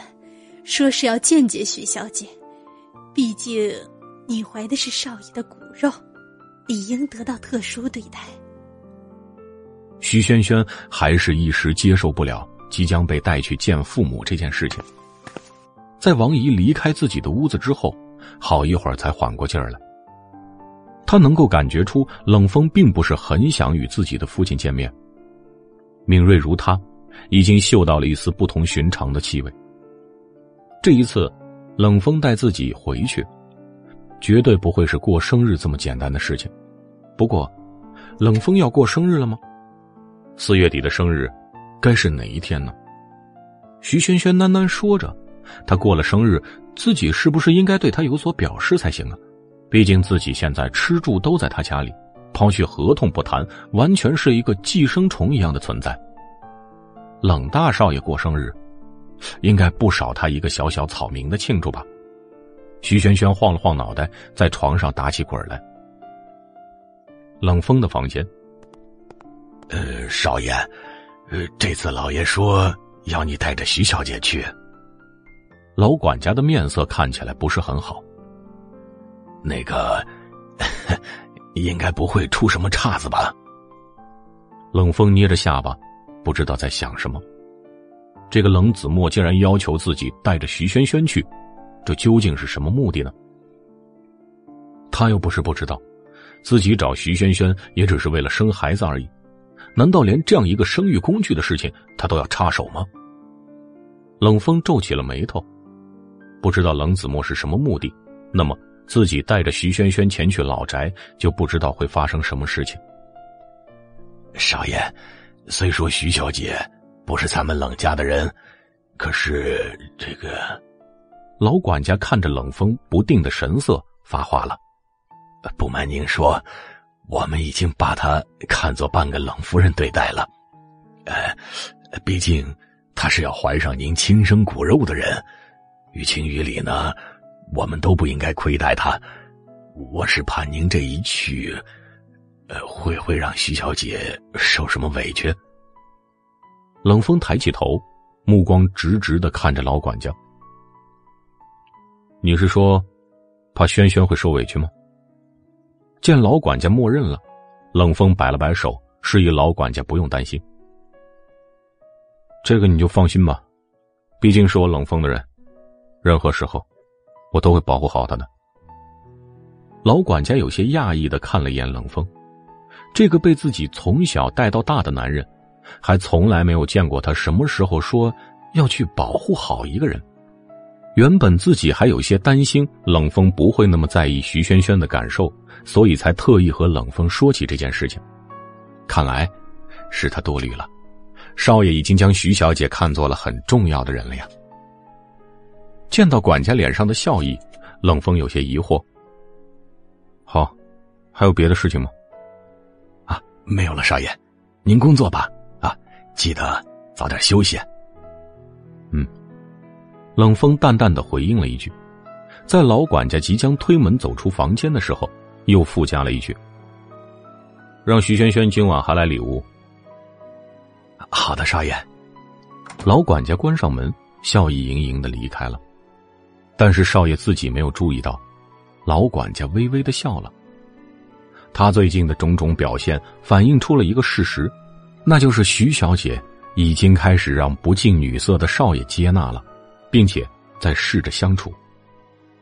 虽然说徐小姐是少爷买来生孩子的女人，可是老管家和王姨一样，还是很喜欢这个乖巧可爱、天真纯洁的女孩子的。按理说，除了家庭条件，徐小姐各方面都不差。还很讨人喜欢，应该是能够打破少爷一向隔离异性的铁栅栏吧。老管家笑了笑，自己从小看着冷风长大，也是看着他从一个天真浪漫的小孩一点点变成了现在这个冰冷绝尘的模样。说实话，他在心里对冷风的心疼，一点儿也不会比冷风的至亲之人还要少。他和王姨早就把冷风当做自己的亲生儿子对待了。他还记得，少爷独自一个人咬着牙在冷宅里度过的一个又一个寂寞的夜晚，也记得少爷每年生日的时候，自己和王姨会替他举办一个小小的生日宴会。只不过宴会上只有少爷、王姨和自己罢了，老爷从来不会给他过生日。老管家也记得。在少爷十岁生日那天，他十分平静的吃完了自己的生日蛋糕，吹完蜡烛，接受了王姨和自己的礼物之后，摘下了头顶上滑稽的生日帽。谢谢你们，少爷的声音平静的像是一潭死水。但是我以后再也不想过生日了。于是，冷宅再无生日这么一说。本集。第八十三集。嗯，嗯。徐萱萱从睡梦中被闹钟吵醒，努力的睁开眼睛。她看了眼床头的挂表，清晨七点钟。这么说，自己昨晚只睡了四个多小时。什么动静？扭过头，徐萱萱发现自己身边赫然躺着一个身姿修长的男人，他似乎也被徐萱萱的闹钟吵醒。正半睁着眼睛看向自己，难道冷大少爷昨晚折腾完自己，直接在这儿睡了吗？明明前几天，他在半夜完事儿以后就跑去自己的书房睡觉，再也没有理会过被他折腾的像是破布娃娃一样的徐萱萱。怎么，昨晚真的太累，所以直接睡在这里了吗？罢了，冷大少爷愿意怎样就怎样吧，每晚都所求无度就忍了。难不成自己还要因为他每晚睡在哪儿都那么在意吗？那就别在冷宅继续下去了，迟早会被这个恶魔给折磨死的。用浆糊一般的大脑思考了一下，今天上午第一节没有课，徐萱萱再次努力的睁了一下眼睛，失败了。既然这样，那就多赖一会儿床，晚点去学校。徐萱萱重新倒回了被窝，这一下扯到了身上无数的筋骨。他不由得皱了一下眉头。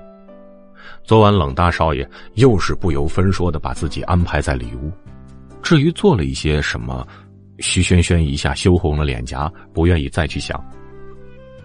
然而昨晚的一幕一幕，却不听由他指挥一般涌入他脑海中。沐浴的时候，徐萱萱在浴室的浴池里泡了好久，抱着一丝小小的侥幸心理，她觉得今天冷风似乎看起来很累的样子，大概。是会早点休息吧，那自己就多泡一会儿，等他睡了再回去。浴室的门被敲响，不祥的预感涌上了徐萱萱的心头。徐小姐，少爷说让您快点他在里屋等您呢。徐萱萱有一种将自己的头埋在水里再也不要出来的冲动。这种事情，为什么平时看上去？一副竟遇到完全不可能碰女人的冷风，最近却这么饥渴呢？为什么偏偏在自己正带着伤，每天这么累的时候还这么饥渴呢？原本前几日在学校附近被小混混袭击留下的伤还没有完全好，徐萱萱低下头，看着水中自己身体上的伤，胳膊上、腿上的淤青依旧没有消退多少，轻轻一按，徐萱萱还能感到隐隐的痛意。就自己现在这个伤痕累累的样子，冷风还要折磨她吗？虽然自己拒绝不了这个男人的折磨，那如同饕餮一般想要将他吞噬、将他揉进骨子里的一面，似乎是因为徐萱萱的脑子开始浮想联翩，她身上开始出现了一种细腻的粉色，就连那些淤青的伤口都显得不那么可怖。一只脚从浴缸里边伸出来，轻轻探到地面上，徐萱萱光着脚，脚尖点在地面上。轻轻走到浴室的那一面大镜子之前，浴室里漂浮起了迷雾的水雾，在镜面上结成了一层细密的水珠。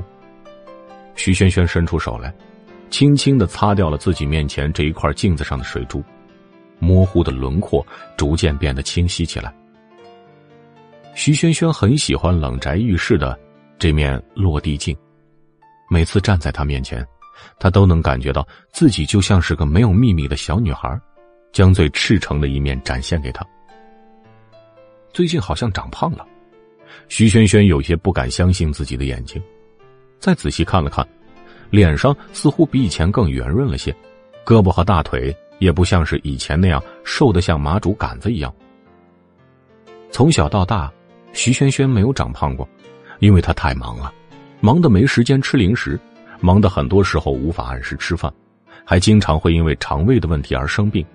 每次一生病，营养就差的更多。一般的女孩子都有那种悠闲的窝在自己的小屋里，啃着零食、看漫画的养膘时光，她却根本就无福消受。自从来到冷宅，经过冷风给自己花钱调理过身体之后，徐萱萱感觉到自己的身体似乎真的发生了一些变化。有了营养师调理过后的身体，似乎有了增强体质的基础，再加上冷宅里王姨每天都会有那么多营养又好吃的饭菜，徐萱萱感到从来不会储存多余脂肪的自己开始长肉了。看着自己脸，徐萱萱有些说不出是什么滋味虽然这样看起来比之前那种弱不禁风的病态体格要好看一些，也健康一些。但是这一切都是为了自己肚子里那个即将出现的孩子而已。徐萱萱叹了口气，就这样想着昨晚的事情，她迷蒙的大脑又开始晕乎了。不多时，小小的呼吸声从她鼻孔中发出来。而此时躺在他身边的男人却是完全没了睡意。这小妮子大清早的在自己身边扭来扭去，还嘤嘤嘤的哼唧。现在又直接睡过去了，当他冷风不存在吗？真是，冷风现在有些后悔昨晚没有直接返回书房去睡。而刚刚再次进入梦乡的徐萱萱，突然感觉到自己的身体被人用力一扳，原本蜷缩的身子睡着正香，此时不得不平躺在大床上，迷迷糊糊的睁开了眼睛。一个阴影正在自己面前，直直的向自己扑了下来。勾引了我，就要自己睡了吗？凉凉的音色，一贯听不出情绪，可是附在自己身上的那双手掌，却是灼人的烫。徐萱萱很想翻个身继续睡去，这两天天天被冷风折腾到后半夜，昨天和前天晚上加起来，一共才睡了不到十个小时。今天好不容易第一节课没有课，可以晚点去学校，可是。手掌的温度唤醒了徐萱萱身为女性的本能，伸出双手，寻找到一双有力的臂膀，顺着舒适的肌肉线条攀上去，微微张开双眼，面前的男子有着天神一般完美的容颜。本集第八十四集。哎哎哎！齐乐拿着手机，看着上面的一条短信。吃惊到无以复加。他们的学霸女神徐萱萱大小姐竟然会告诉他，自己要翘掉上午的这节课，然后让他帮忙在点到的时候应付一下老师。什么嘛！原来徐萱萱也会翘课啊！由于自己没有管得住吃惊的面部表情，齐乐身边的另外两个同宿舍的女孩凑过来，也看到了这条短信，顿时两人就感觉到，自己平日里翘课更有理由了，连学霸都能想不上课就不上课，自己不想上课的时候不去，岂不是情有可原？看了身边两个室友一眼，齐乐微微的皱了一下眉。人家轩轩不来上课，也会自己补回来。你们两个翘课就等同于将时间白白浪费掉，但是这些都是齐乐自己心里边想的，没有表现出来。起码自己还是要和这两个人在同一屋檐下生活两年。齐乐再怎么不喜欢这两个人，也不会像以前那样随便表现出来。以前的时候有徐轩轩作伴，他不知道怎么和这两人接触，况且自己的脾气，徐萱萱也知道。那是一言不合就会跳起来怼回去的暴脾气，只不过在徐萱萱的影响下，他已经改掉了很多，起码在别人面前，他学会了如何无视掉令人不愉快的人。上课铃声响起来，谢天谢地，老师看起来没有点名的打算，齐乐松了一口气。教室里，有一道目光在自己的身上扫过，只不过齐乐并没有发觉到。教室后排，林泽勋坐在座位上，目光所及之处正是坐在教室前排的齐乐。身边的空座位没有人。这节课林泽勋来的格外早，身边没有赵巧巧，因为赵巧巧本身就不是和他一个专业的。之前几次陪他上课，都是他缠着林泽勋跟进了教室，才坐在一起的。说来也奇怪，自从昨天。自己对赵巧巧说了一句“做我女朋友”之后，赵巧巧反倒是不像以前那么黏着自己了。因为我知道你已经是我的了呀。赵巧巧笑嘻嘻的脸庞浮现在林泽勋的面前，所以我就不会时时刻刻都担心你是不是被别人拐跑了。会被别人拐跑吗？林泽勋的目光不由自主的看向了齐乐身旁的那个空座位，他怎么没来上课呢？按理来说，徐轩轩不应该翘课的，这样很让人担心。要不要下课问一下齐乐呢？干脆发短信直接问他好了。就在林泽轩掏出手机打开锁屏的那一刻，他发现了自己的收件箱里一条未读的短信：“下课了，一起去吃饭呀。”发件人巧巧，手指停留在徐轩轩的号码上，林泽勋的目光。看起来有些复杂，自己不是已经做好决定了吗？不再去打扰这个女孩，而是以朋友的身份留在她身边，甚至为了能够彻底死心，连一直以来跟在自己身边的这个女孩，他都给利用了。看到赵巧巧短信的时候，林泽勋觉得自己真是个混蛋。躺在大床上的徐萱萱迷迷糊糊的被手机的短信铃声吵醒，睁眼一看。已经是下午两点了，肚子开始咕咕作响。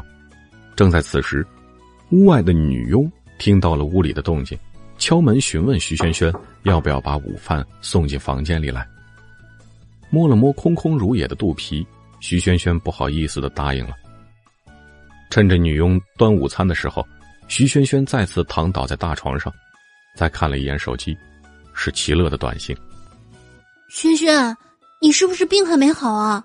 现在好些了吗？苦笑一声，徐萱萱感觉自己实在是太罪恶了，竟然真的会翘课，而且还是窝在柔软的大床上翘课。可是，他却没有办法。冷大少爷昨晚一直折腾到三点多就算了，今天早上一起来还没有放过他。徐萱萱不由得羞红了脸，愤慨这个男人为什么会这么的所求无度？分明自己身上的伤还没有好。可是他还是一味的要他，徐萱萱根本就无力反抗，谁让他们之间有着那样的合同呢？他对于冷风的所求不但不能拒绝，还要迎合他，因为他们之间的唯一目的便是尽快让徐萱萱生一个孩子。反正冷风还是很冷就是了。徐萱萱也不奢求他能对自己的态度有多好，所以不管他最近是怎么不管不顾的一味的要他。他只能是默默的承受，寄人篱下的滋味真不好受。摄影协会办公室里，双手托腮的齐乐面前摆着自己的电脑，眼睛却是时不时的瞟一眼桌面上的手机。齐乐感觉自己的脑袋突然被拍了一下。哎，想什么呢？不好好干活。一个清朗的男声从背后响起：“今天至少要把前三组的作品整理好啊，要不然来不及给老师审核了。”揉了揉脑袋，齐乐不满的哼唧一声，随后带着些许的担忧，对身后的穆以贤说道：“嗯，今天轩轩翘课了，我给他发短信也没回我。”嗯，啥？穆以前仿佛听到了一个不得了的笑话。轩轩轩会逃课啊？不知道啊，他也没告诉我为啥不来上课，只发了个短信说不来了。我正担心他是不是病还没好。穆以贤好看的眉毛皱了起来。要不你打电话问问吧？哎，回我了。齐乐点点头，正准备打电话，却发现自己收到了徐轩轩的回复。没有啦，我今天有工作，所以没能去上课。乐乐。你不用担心我啦，抱歉。看到短信的穆以贤有些疑惑。工工作，齐乐想了想，便告诉了穆以贤关于徐萱萱现在正在工作的事情。哦哦，是为了给爷爷治病啊。穆以贤有些心疼徐萱萱。那你知道他现在在哪儿工作吗？齐乐摇了摇头。徐轩看起来不是很愿意说的样子。我也不会勉强他，但是听说是在冷室工作，因为他说过自己的上司是冷风。听到这个名字，穆以贤像是想起了什么似的，微微愣住了。本集第八十五集，穆以贤记得，似乎在前两天下午，学校门外，他正窝在校外的一家咖啡馆里，处理着百团大展的事情。毕竟在办公室坐久了，就会感觉很憋屈，他就换了一个环境，来到了这家安静的咖啡馆。隔着咖啡馆的玻璃，能够看到窗外的一条小路，这条路一直延伸到附近的公交站点。从坐下开始，穆以贤就注意到，在公交站点附近站着一个身姿修长的男子。脸庞上是令人印象深刻的淡漠的表情。这个男人完美的身材比例，在一身剪裁得体的西装的衬托下，显得十分令人赏心悦目。他站姿挺阔，没有什么动作，眼神深邃，看起来像极了一座精致的雕塑。这个男人就站在那里，似乎就能成为一道别致的风景。同为男人，穆以贤不得不感慨，这个人。真的是很耀眼。哎，你看那边那个人，太帅了吧！我靠，这不就是前阵子刚上头条的冷风吗？穆以贤的耳朵捕捉到了不远处两个小女生低声的惊呼，目光不由得飘向了窗外的那个男人。你没开玩笑吧？冷风怎么会出现在这里啊？开什么玩笑！我给你找找照片，就在网上呢。你看，是不是就是他？我靠，还真像！被人比照片还好看。冷风，穆以贤不是 Z 市本市人，所以还不是很熟悉他。但是前阵子头条他的确看过，他只知道冷风是 Z 市某个知名的企业家，其他的就不知道多少了。相比于那些花痴般的小女生，他对冷风的兴趣没有那么多。现在想一想，那天似乎是徐萱萱上次生病的前一天。在徐萱萱生病的前一天，自己在学校外面看到了冷风。冷风是徐萱萱的顶头上司。穆以贤隐隐觉得这件事情似乎没有徐萱萱对齐乐说的那么简单，至少没有哪个顶头上司会偶尔出现在自己下属学校附近。晃了晃脑袋，穆以贤压下了心中的顾虑，也许是徐萱萱有什么难言之隐吧。如果他不愿意说。那自己就不会勉强他。奶茶店里，穿着牛仔外套的男生对面坐着一个捧着一杯奶茶的女孩。还行，我们去看电影吧。翘了下午的课，赵巧巧拉着林泽勋来到了奶茶店里，真像是一刻不停的粘着自己身边这个男孩子呀。好不容易，这个人终于肯给自己留在他身边的机会，自己一定要好好珍惜。啊，只是他今天看起来一副心不在焉的样子，从中午吃饭的时候就开始了。明明自己站在他面前，可是他的目光却不知飘向了哪儿，也不知道他在想什么。你想看什么？随便拿，什么都行。哦。赵巧巧低下头去，没有再说话，翻着手机里的软件，看起来像是在寻找接下来要看的电影。似乎是觉察到了面前的女孩子情绪没有刚才那么好，林泽勋这才回过神来，看着赵巧巧说道：“我是说，你喜欢看什么，我们就看什么，好不好？”“好啊。”赵巧巧像是什么都没有发生一般，抬起头。笑嘻嘻的看着林泽勋，好像是丝毫不在意他的心不在焉。林泽勋看着面前的女孩的笑脸，终于舒了口气。自己还是不太会和女孩相处。既然已经决定了和这个女孩在一起，那就好好待她。林泽勋忍住了心中对另一个人的惦记，这样对谁都好。此时此刻。徐萱萱已经从床上爬起来去浴室洗漱了。看来今天是去不了学校了。自己身上的伤痕非但没有减少，还多了很多不明的红色的痕迹。徐萱萱看着镜子里的自己，羞红了脸。这样下去，真不知道什么时候是个头。洗漱完，徐萱萱穿好衣服从浴室里走出来。恰巧碰见女佣正抱着自己的脏衣服准备去清洗。徐小姐，少爷吩咐我们，今天带你去他的公司，他下班以后要带你去置办一套礼服。啊？礼服？看着徐萱萱疑惑的模样，王姨笑了。您忘了，昨晚少爷说这个月底要带你回老宅的。少爷的生日宴会。肯定要穿礼服出席的。徐萱萱这才想起来，昨晚王姨和老管家告诉自己，这个月月末是冷风的生日，而且他带着自己回老宅过生日。想来也是了，冷风这种大门大户的人家少爷，过生日肯定是大摆宴席，这种情况当然穿礼服了。而且，作为 Z 市的知名企业家，冷风的生日宴会。怕不只是个家庭聚会那样简单，肯定会是一个云集了各方大人物的聚会。对于这种类型的聚会，徐萱萱只觉得奢侈、浪费。她从小到大没怎么隆重的过过一次生日，最多就是有个小蛋糕，能吃上一碗长寿面，这就已经很满足了。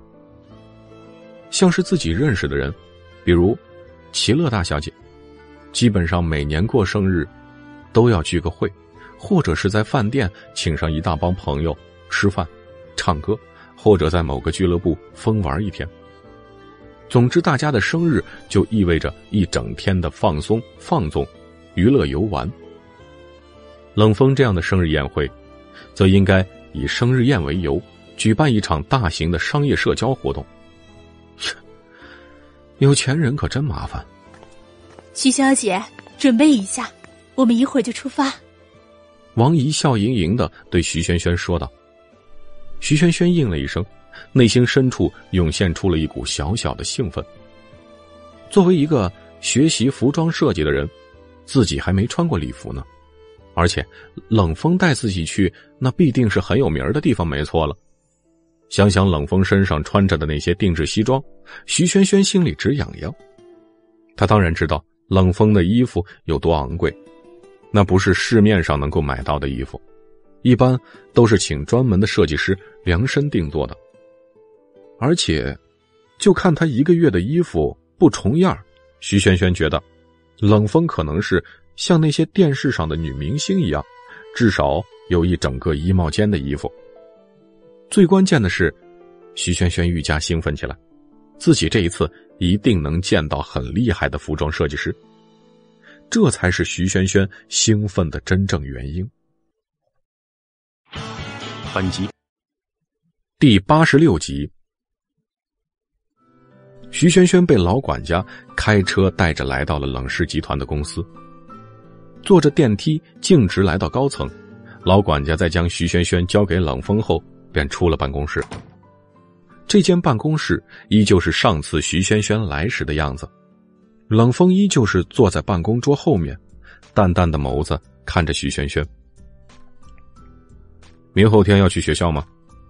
徐轩轩愣了一下，这才想起来今天是周五，明后天是周末。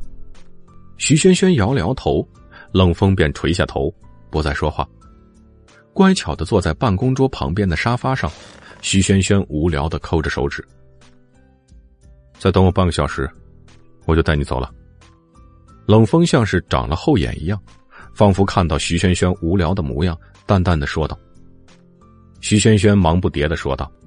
没事，你忙你的，不要管我。笑话，冷风的时间可是很宝贵的，自己可耽误不起。他该做什么就做什么，自己可不敢催他。况且自己什么身份？他冷风还不是想干嘛就干嘛，根本没必要考虑自己。虽然徐轩轩的确很无聊。不多时，徐轩轩终于听到了“吧嗒”一声关上电脑的声音。好了。走吧。椅子被拖出声音，随后便是皮鞋踏着地板在屋里走动的声音。徐轩轩站起身来，看了一眼墙上的表，下午四点。再看看已经穿好西装外套准备走出门的冷风，果然是公司的董事长啊，都不用按时上下班来着。冷风开着车，徐轩轩坐在车的后座。两个人在城市的马路上穿梭着，车里一片寂静。徐轩轩坐在车后座上，看着驾驶座上的冷风。今天看起来还算正常，没有什么异常的情绪。一会儿要见到的人，脾气可不是很好。正在开车的冷风开口说道：“你注意一下自己的言行，省得被数落。还有。”把你身上那件地摊上买来的外套脱掉，一会儿穿我放在后座上的衣服出去。啊！徐轩轩有些丈二和尚摸不着头脑，注意言行就算了，自己身上穿的衣服还要换吗？徐轩轩低头看了一眼自己身上那商场里买的衣服，有些无语。虽然不是名牌，但好歹也是很受年轻人欢迎的快时尚牌子呀，质量也是说得过去啊。自己穿的又不是什么地摊货。算了，徐轩轩知道，很多知名设计师都很有个性，或许这个人就是看不惯别人穿那快时尚的衣服。徐轩轩左翻右翻，终于看到了一个用黑色纸袋包好的一件棒球服外套，这不就是上次冷风来学校接自己被小混混打了以后，他给自己披上的那件衣服吗？说起来。自己还真就没见过冷风除了西服以外穿过别的衣服，当然，浴袍不算，不穿也不算。拎起这件棒球服外套，徐轩轩忍不住问道：“你平时也会穿这种衣服吗？”脑海里已经开始想象冷风穿着这件衣服时的样子，似乎也不错。毕竟那样的身高和长相摆在那儿，天生的衣服架子，怎么穿都好看。那是我平时放在车里准备着的，不穿的。嘿，反正我只见你穿过这些老气横秋的黑压压的西装，没想到你也有这种年轻的衣服啊。徐轩轩忍不住吐槽：“老气横秋。”如果换做别人听到这话以后，大概会生气。但是冷风觉得这个词用在他身上很贴切。的确，自己才二十六七岁。已经有了一种活成四十岁的感觉，毕竟掌管着一家公司的命脉，谨言慎行是必要的，小心翼翼是必要的，而且这一切冷风已经习惯了。他每天面对的也就是一个个奸诈狡猾的老家伙。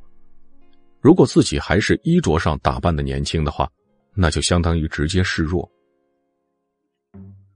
车子在城市里边穿梭着，不多时。驶入一片开阔地带，之所以开阔，是因为这里的建筑物是一片看起来古色古香的京城大院式建筑。徐轩轩下车的时候，有些不敢相信自己的眼睛。在 Z 市这片寸土寸金的地方，哪怕是有一块巴掌大的地皮，建筑商都恨不得把楼建到天上去。竟然会有人将这么一大片地方建成这种开阔的风格。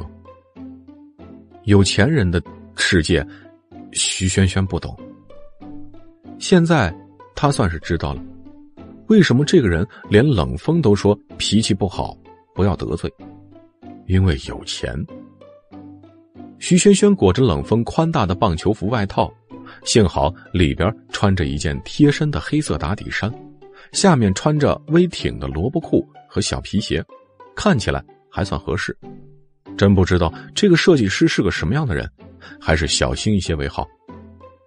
踏入这片烧钱一般建出来的地方，徐萱萱感觉到脚丫子都不是自己的了，只得机械的抬着脚，迈着步子。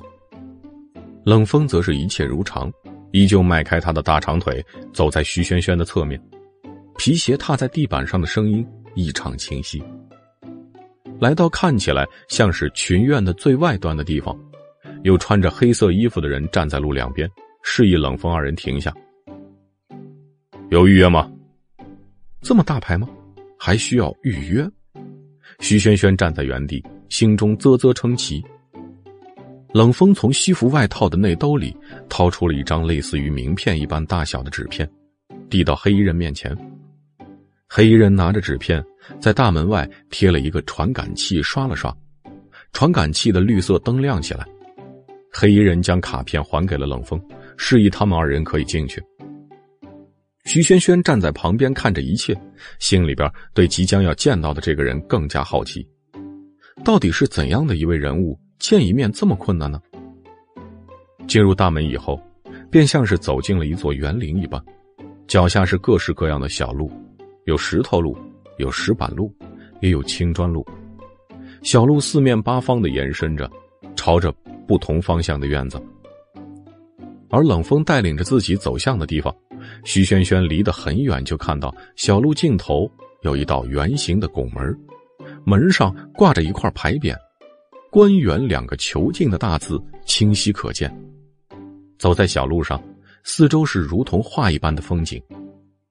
青翠的四月春草繁茂飘动，一树接一树的花簇拥在小路的两边，空气中满是清新的植物的味道。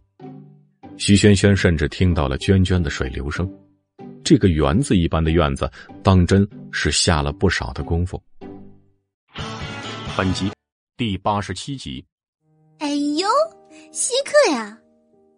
刚刚走进官园的徐萱萱和冷风两人，迎面都看见了一个看起来只有十几岁的少女，蹦蹦跳跳的朝着两人跑过来。令徐萱萱感到意外的是，面前这个少女竟然穿着一身水蓝色的汉服。换做别人可能分不清楚，以为面前的女孩子穿着的是一身和服。身为一名学习服装专业的学生，徐萱萱当然知道。汉服、和服、韩服，各种服装是什么样的？现在，虽然喜欢汉服的人越来越多，但是令徐萱萱感到惊讶的是，这个女孩看起来只有十五六岁的年龄。一般来讲，这个年龄的女孩子喜欢的应该都是新奇好玩的、潮流的东西才是啊。一般很少有这么年轻的女孩喜欢这种国粹，嫌弃老古董还来不及呢。在徐萱萱惊讶的眼神中，汉服像是一阵绿色的旋风一般朝着这边冲了过来，顺带着张开了双臂，竟然像是要扑进冷风怀里一般。扑进冷风怀里，找死吗？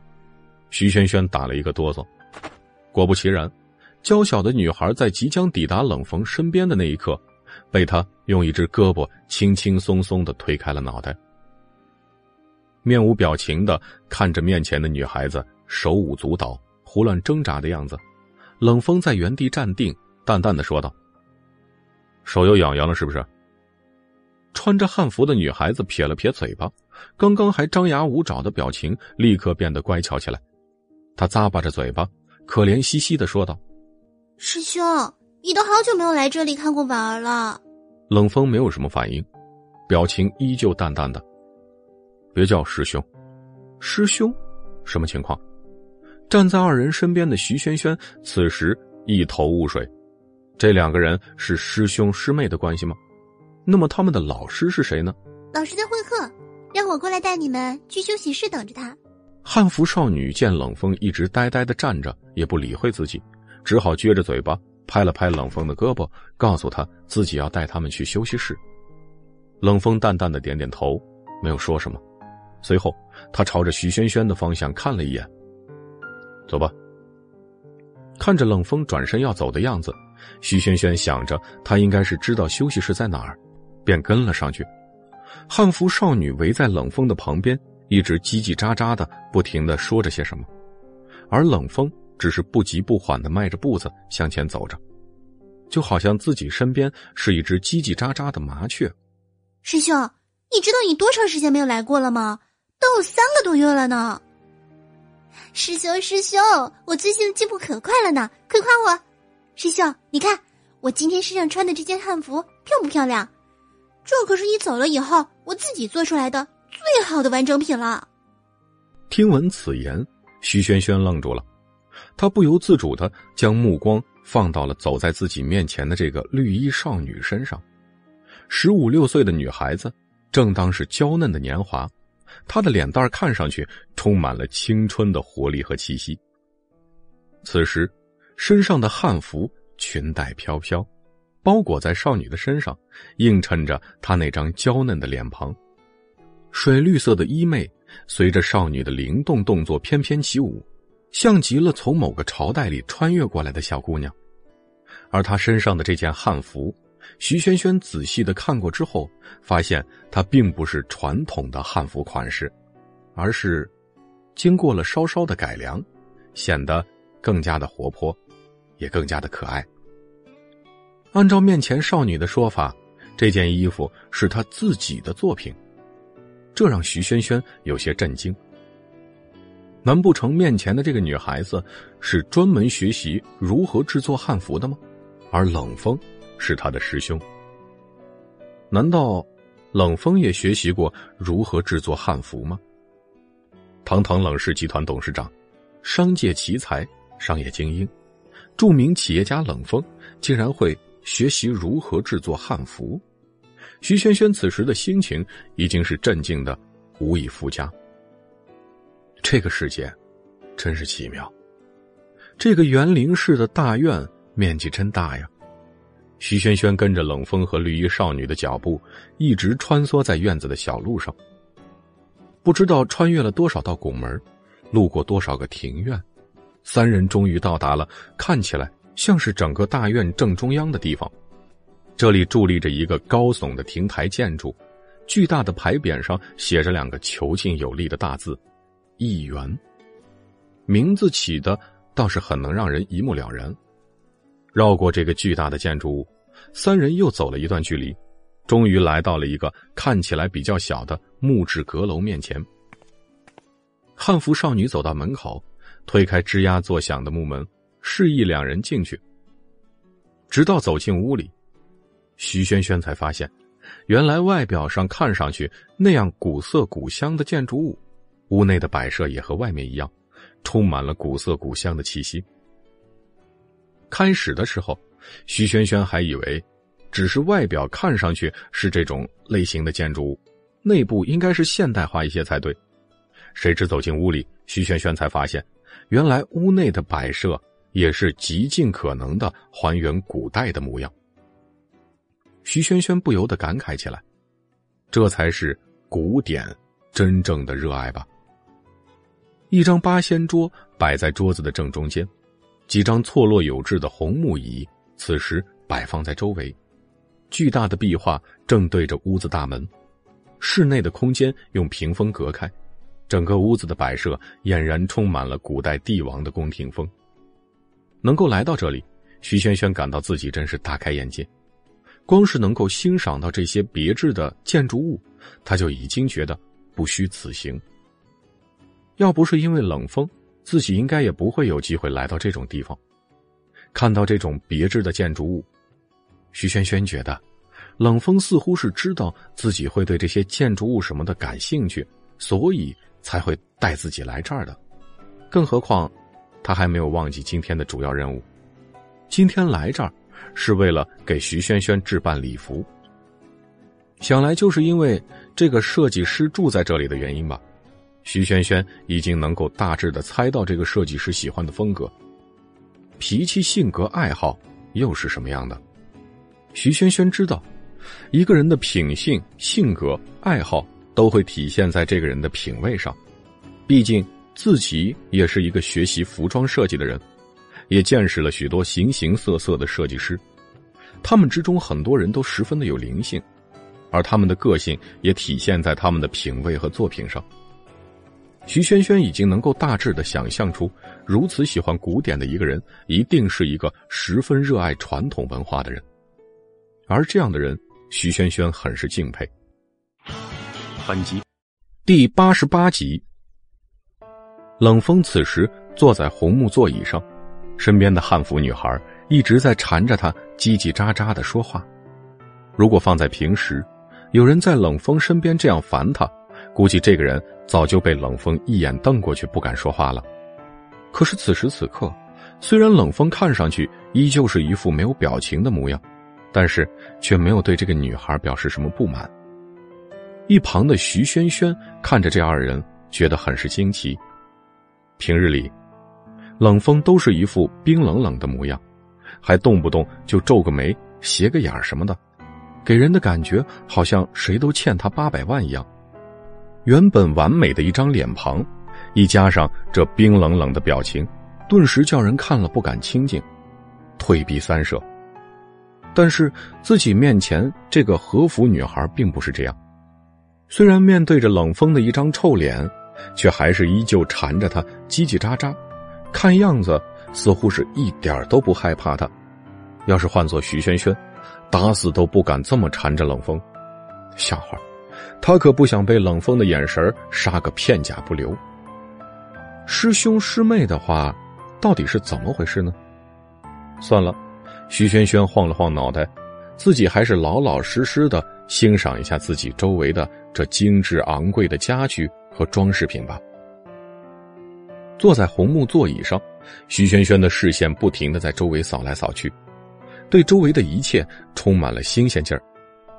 冷风的目光在徐萱萱身上停留住，当他带着她走进这里时，冷风就注意到，徐萱萱的目光不停的在四周看来看去，一副好奇宝宝的模样。他知道，他会对这里感兴趣，所以之前本打算让老管家带着王姨，跟他一起来这里，思考了一番，终于还是自己带他来这儿。想到昨晚自己给许久未见面的那个人打了个电话。说自己今天要带人过来这里，啊，带人呐？谁呀？一个女孩，我的一个员工。电话那头传来了中气十足的笑声。臭小子，还你的员工？哎，你说说，你来我这儿几次了？每次不都是让别人替你来？这次好不容易自己来了，还带个人？你告诉我是你的员工？冷风叹了口气，看来自己还是瞒不过那个精明的老头子。是要带到老爷子那边的人。哎呦，我的个乖乖呀！电话那边的人怪叫起来：“你小子这么快就要结婚了啊？谈恋爱了还是怎么的？哎呀，不是我说你啊，你能好好的对人家小姑娘吗？啊，你这次是认真的吗？”冷风感到自己的脑门落下一滴汗来，这个为老不尊的老头子，亏自己尊敬的叫他一声老师，这哪有老师的样子呀？不是谈恋爱，也没有结婚。冷风扶了扶额头，你也知道，在拿下冷氏之前，我是不准备结婚的，也没有把精力放在感情上的打算，只是老爷子要我生个继承人，这个女孩是我找来的。电话的另一边明显沉默了一会儿，良久，轻轻的叹气声从听筒里传来。嗯，还是放不下渊儿的事情吧。冷风没有说话，沉默的呼吸声代表了默认。他若是还在世啊，看到你现在这个样子，真不知道是会高兴还是……哎。电话那头的声音叹息一声之后，恢复了老者一贯的沉稳如常。带他来吧，好歹我也算是你半个外公，也让我见见你找到的这个女孩是什么样的，靠不靠谱？好的，苏老师。冷风唇边不由自主的浮现出了一抹弧度。明天见。外公吗？这个亲切的称呼，触动着冷风冰封已久的心。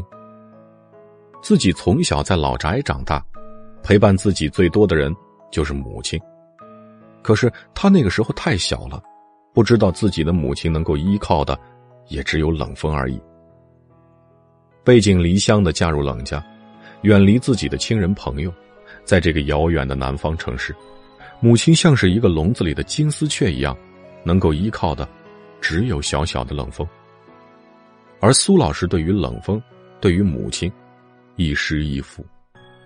小的时候，冷风被母亲带着拜访过苏老师，那时候的冷风深受母亲的影响，还是一个小小的、充满天赋的艺术家。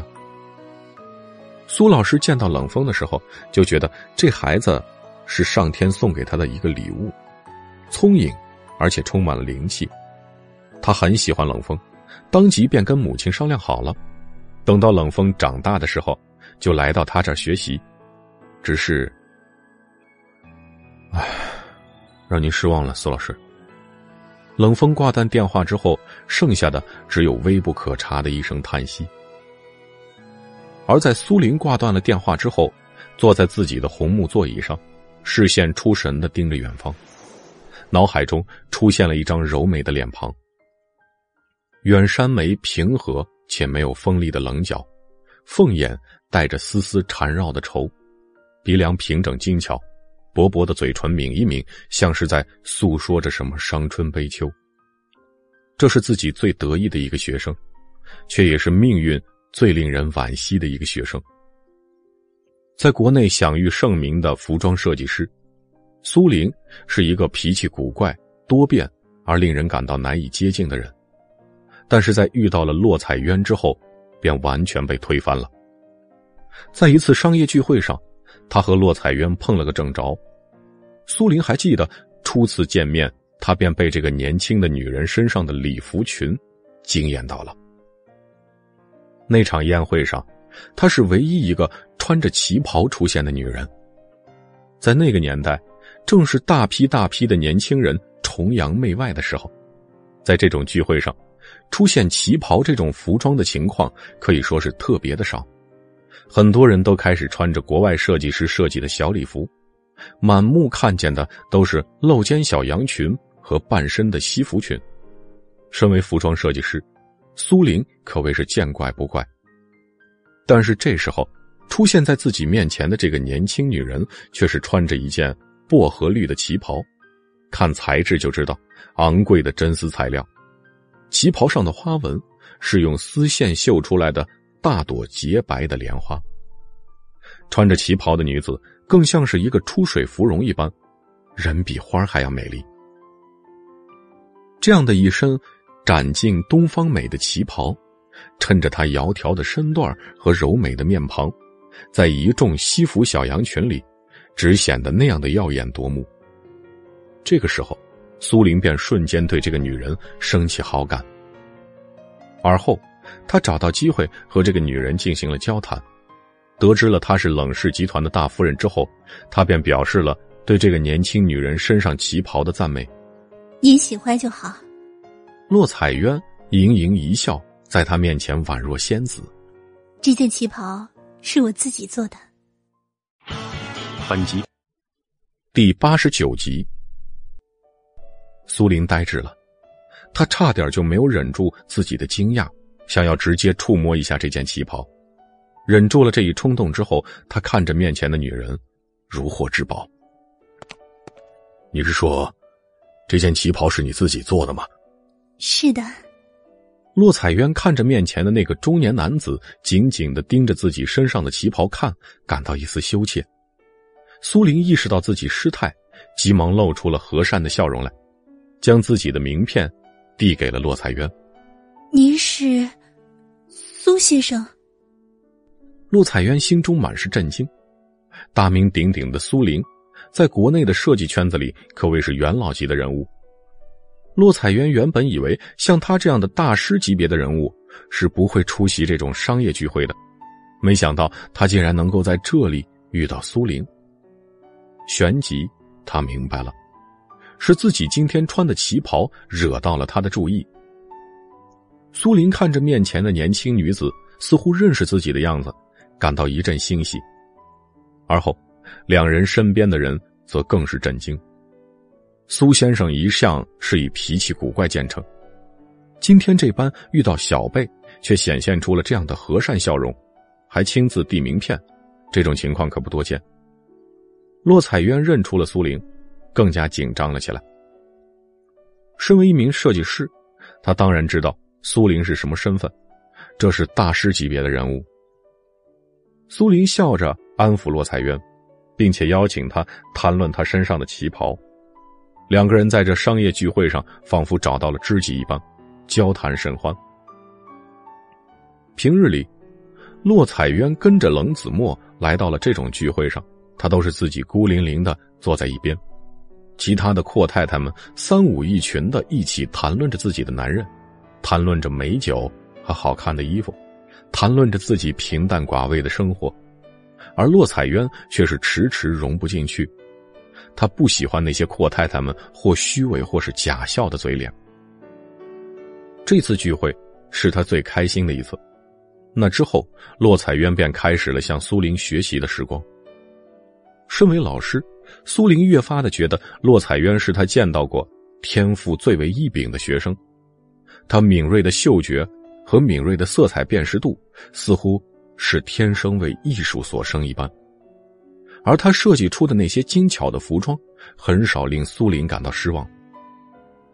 相处时间久了，他便也越来越喜欢自己这个得意门生，那是自己身为长辈对晚辈的厚爱。苏林没有子女，他已经做好了将毕生所学全部交付给洛彩渊的准备。然而，就是这样一个才华横溢的女子，却死在了最有无限未来的年纪。自那以后，苏林便再也没有收过任何一个关门徒弟。如今，苏林也已经是古稀之年的老人，洛彩渊去世也已经过了将近二十年了。自己没有子女，便一直将冷风视为自己的孙子。虽然冷风看起来是那么的不近人情，但是苏林知道，他并不是表面上看上去那样的冷漠无情，那只是因为身在豪门。身不由己，被家族所迫，才会变成这个样子。至少，冷风将苏玲当作亲人一般看待，经常来看望他。于是，终于终结了会客。两鬓斑白的老头顿时毫无形象的翘起二郎腿，嘴里边还叼着一只精致的老式烟斗，顿时房间里充满了烟草的味道。果然。他还是很不喜欢那些商人的嘴脸。安静的抽了一刻钟的烟斗，苏林终于是从红木椅上站起身子，一把捞过自己身边的实木拐杖，迈着不紧不慢的步子朝着休息室走去。虽然已经是老人，但从他的脚步上来看，依旧还是个身体健朗的老头子。推开休息室的门，苏林一眼就看到了在红木座椅上的徐萱萱。精致美丽的人，苏林见得多了。这个小姑娘第一眼看上去，虽然脸蛋还不错，但是算不上惊艳。加之身边有冷风这个绝世一般的面孔，更显不出徐萱萱有什么出奇的地方。不过，苏林看人并不是看长相，而是看眼睛。徐萱萱有一双非常特别漂亮的杏核眼。苏玲仔细的看看，发现这个女孩子的眼睛清澈见底，瞳仁分明，动一动有水光潋滟。用古人的话来说，那是一双明眸水目。看了一会儿，苏林觉得还算满意。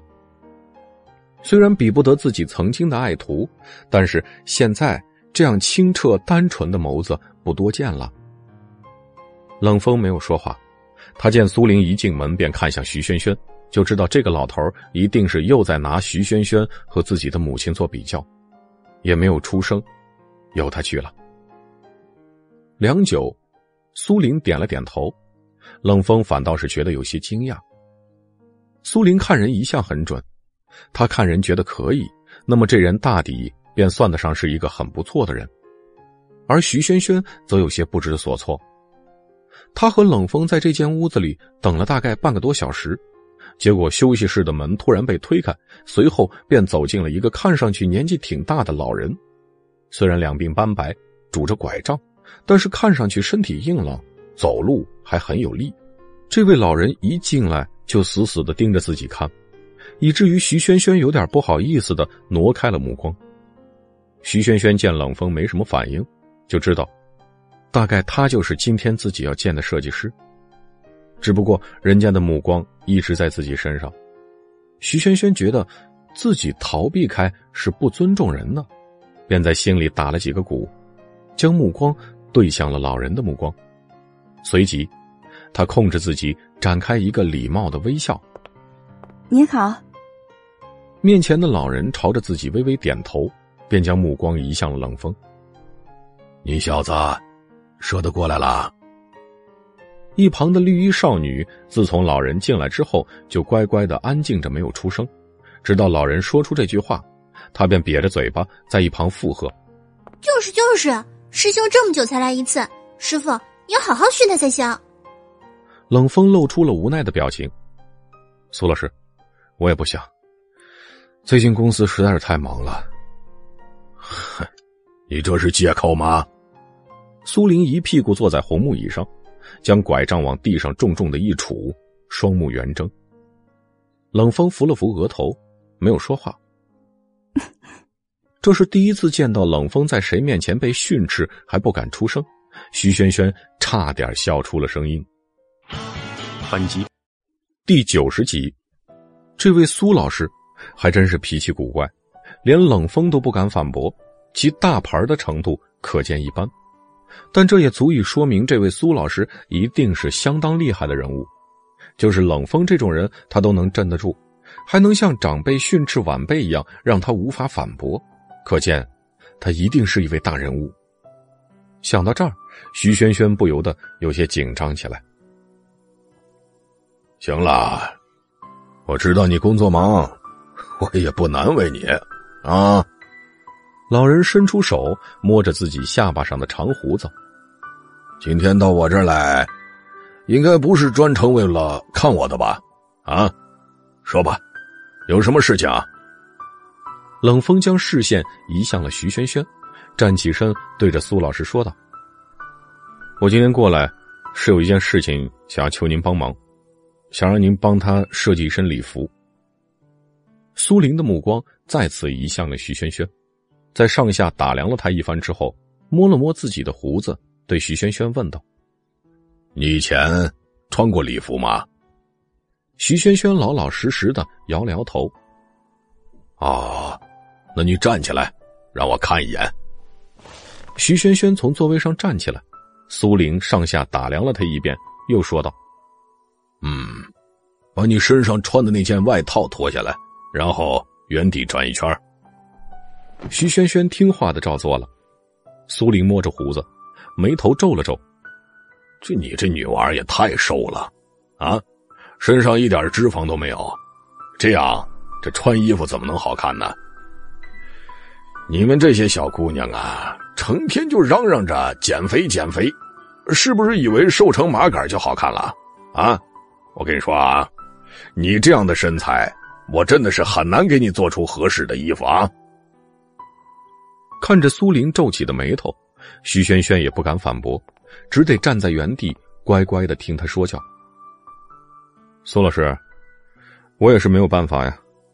冷风扶了扶额头，他以前比现在还要瘦呢，这还是最近我给他加了营养，是他长了肉以后的身材了。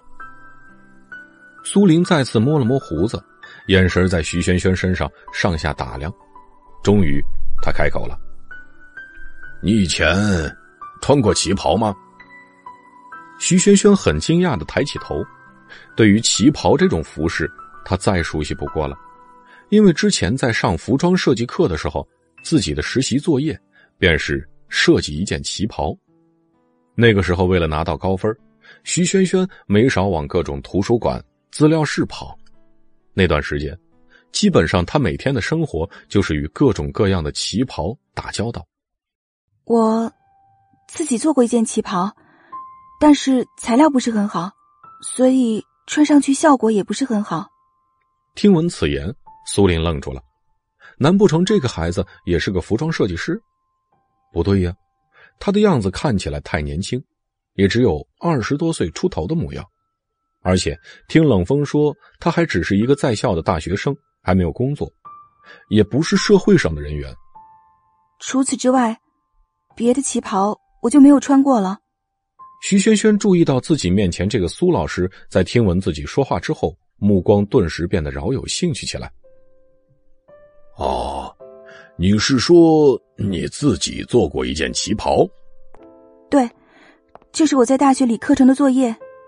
徐萱萱不知道苏玲这话是什么意思，只好老老实实的回答他。苏玲听到徐萱萱说出这句话，顿时有些惊讶，没想到冷风找的这个女孩。竟然学习的是自己的老本行，难不成冷风是故意的？苏玲的目光飘向了冷风，你小子不会专门找这样的大学生吧？坐在红木椅上的冷风再次扶额，苏老师，我真不是故意的，我也是和他接触之后才知道他的事情。一旁的徐萱萱听着一头雾水。这徒孙两人你唱我和的，不知道在说什么。徐萱萱只知道应该是和自己相关的事情。看着面前的徐萱萱一副不明所以的样子，苏玲突然间升起了一股浓浓的兴趣。他拄着拐杖从红木椅上站起来，对着徐萱萱和冷风二人说道：“你们两个，跟我过来吧。”说罢，便拄着拐杖迈开步子。走出了这间屋子。徐萱萱看了冷风一眼，看到冷风点点头，示意他跟过去，他便跟在冷风后面，径直走出了屋子。沿着石头小路，不停的往前走。徐萱萱看着走在自己面前的老人，他一点都不像是外表看上去那么羸弱。虽然已经两鬓斑白，但是走起路来依旧健步如飞。徐萱萱需要一路小跑才能跟得上前面两人的脚步。你叫什么名字呀？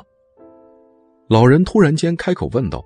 这话当然不是在问冷风。徐萱萱虽然不知道苏老师这样问自己是为什么，还是老老实实的回答出了自己的名字。哦，哪个萱呢？萱草的萱。萱草。只见走在前面的老人做了一个摸胡子的动作。你父母给你取这个名字的时候，知道这个字是什么意思吗？徐轩轩微微愣了一下，爷爷曾经说过的话浮现在他脑海中。轩轩是忘忧草的意思。徐轩轩现在把这话重复了一句：“我的爸爸和妈妈希望我做一个无忧无虑的女孩子。”走在前面的老人发出了爽朗的笑声，便没有再说话。沿着石头小路走了很久，又穿过了很多庭院。徐萱萱觉得自己已经完全不记得来时的路了。这院子真是太大了，各种各样的路四通八达，庭院也多得数不过来，一个接一个。终于走到了一间屋子面前，苏老师停住了脚步，在推开门的一瞬间。徐萱萱已经彻底呆滞了，自己面前赫然是一个旗袍仓库，巨大的旗袍仓库，室内陈列着一排又一排木质的衣架，每一排衣架上面都挂着成排的旗袍，各式各样的旗袍，各种颜色、各种材质的旗袍，长袖的、短袖的、长身的、半身的，蚕丝的、棉布的、桑麻的，只要是徐萱萱能够想象出来的构造和颜色。这里边的旗袍都有，自己面前就像是一个旗袍博物馆一般，每一件看起来都是那么的精致美丽，令人心醉。徐萱萱此时此刻的心情，已经不能用震惊来形容了。本集。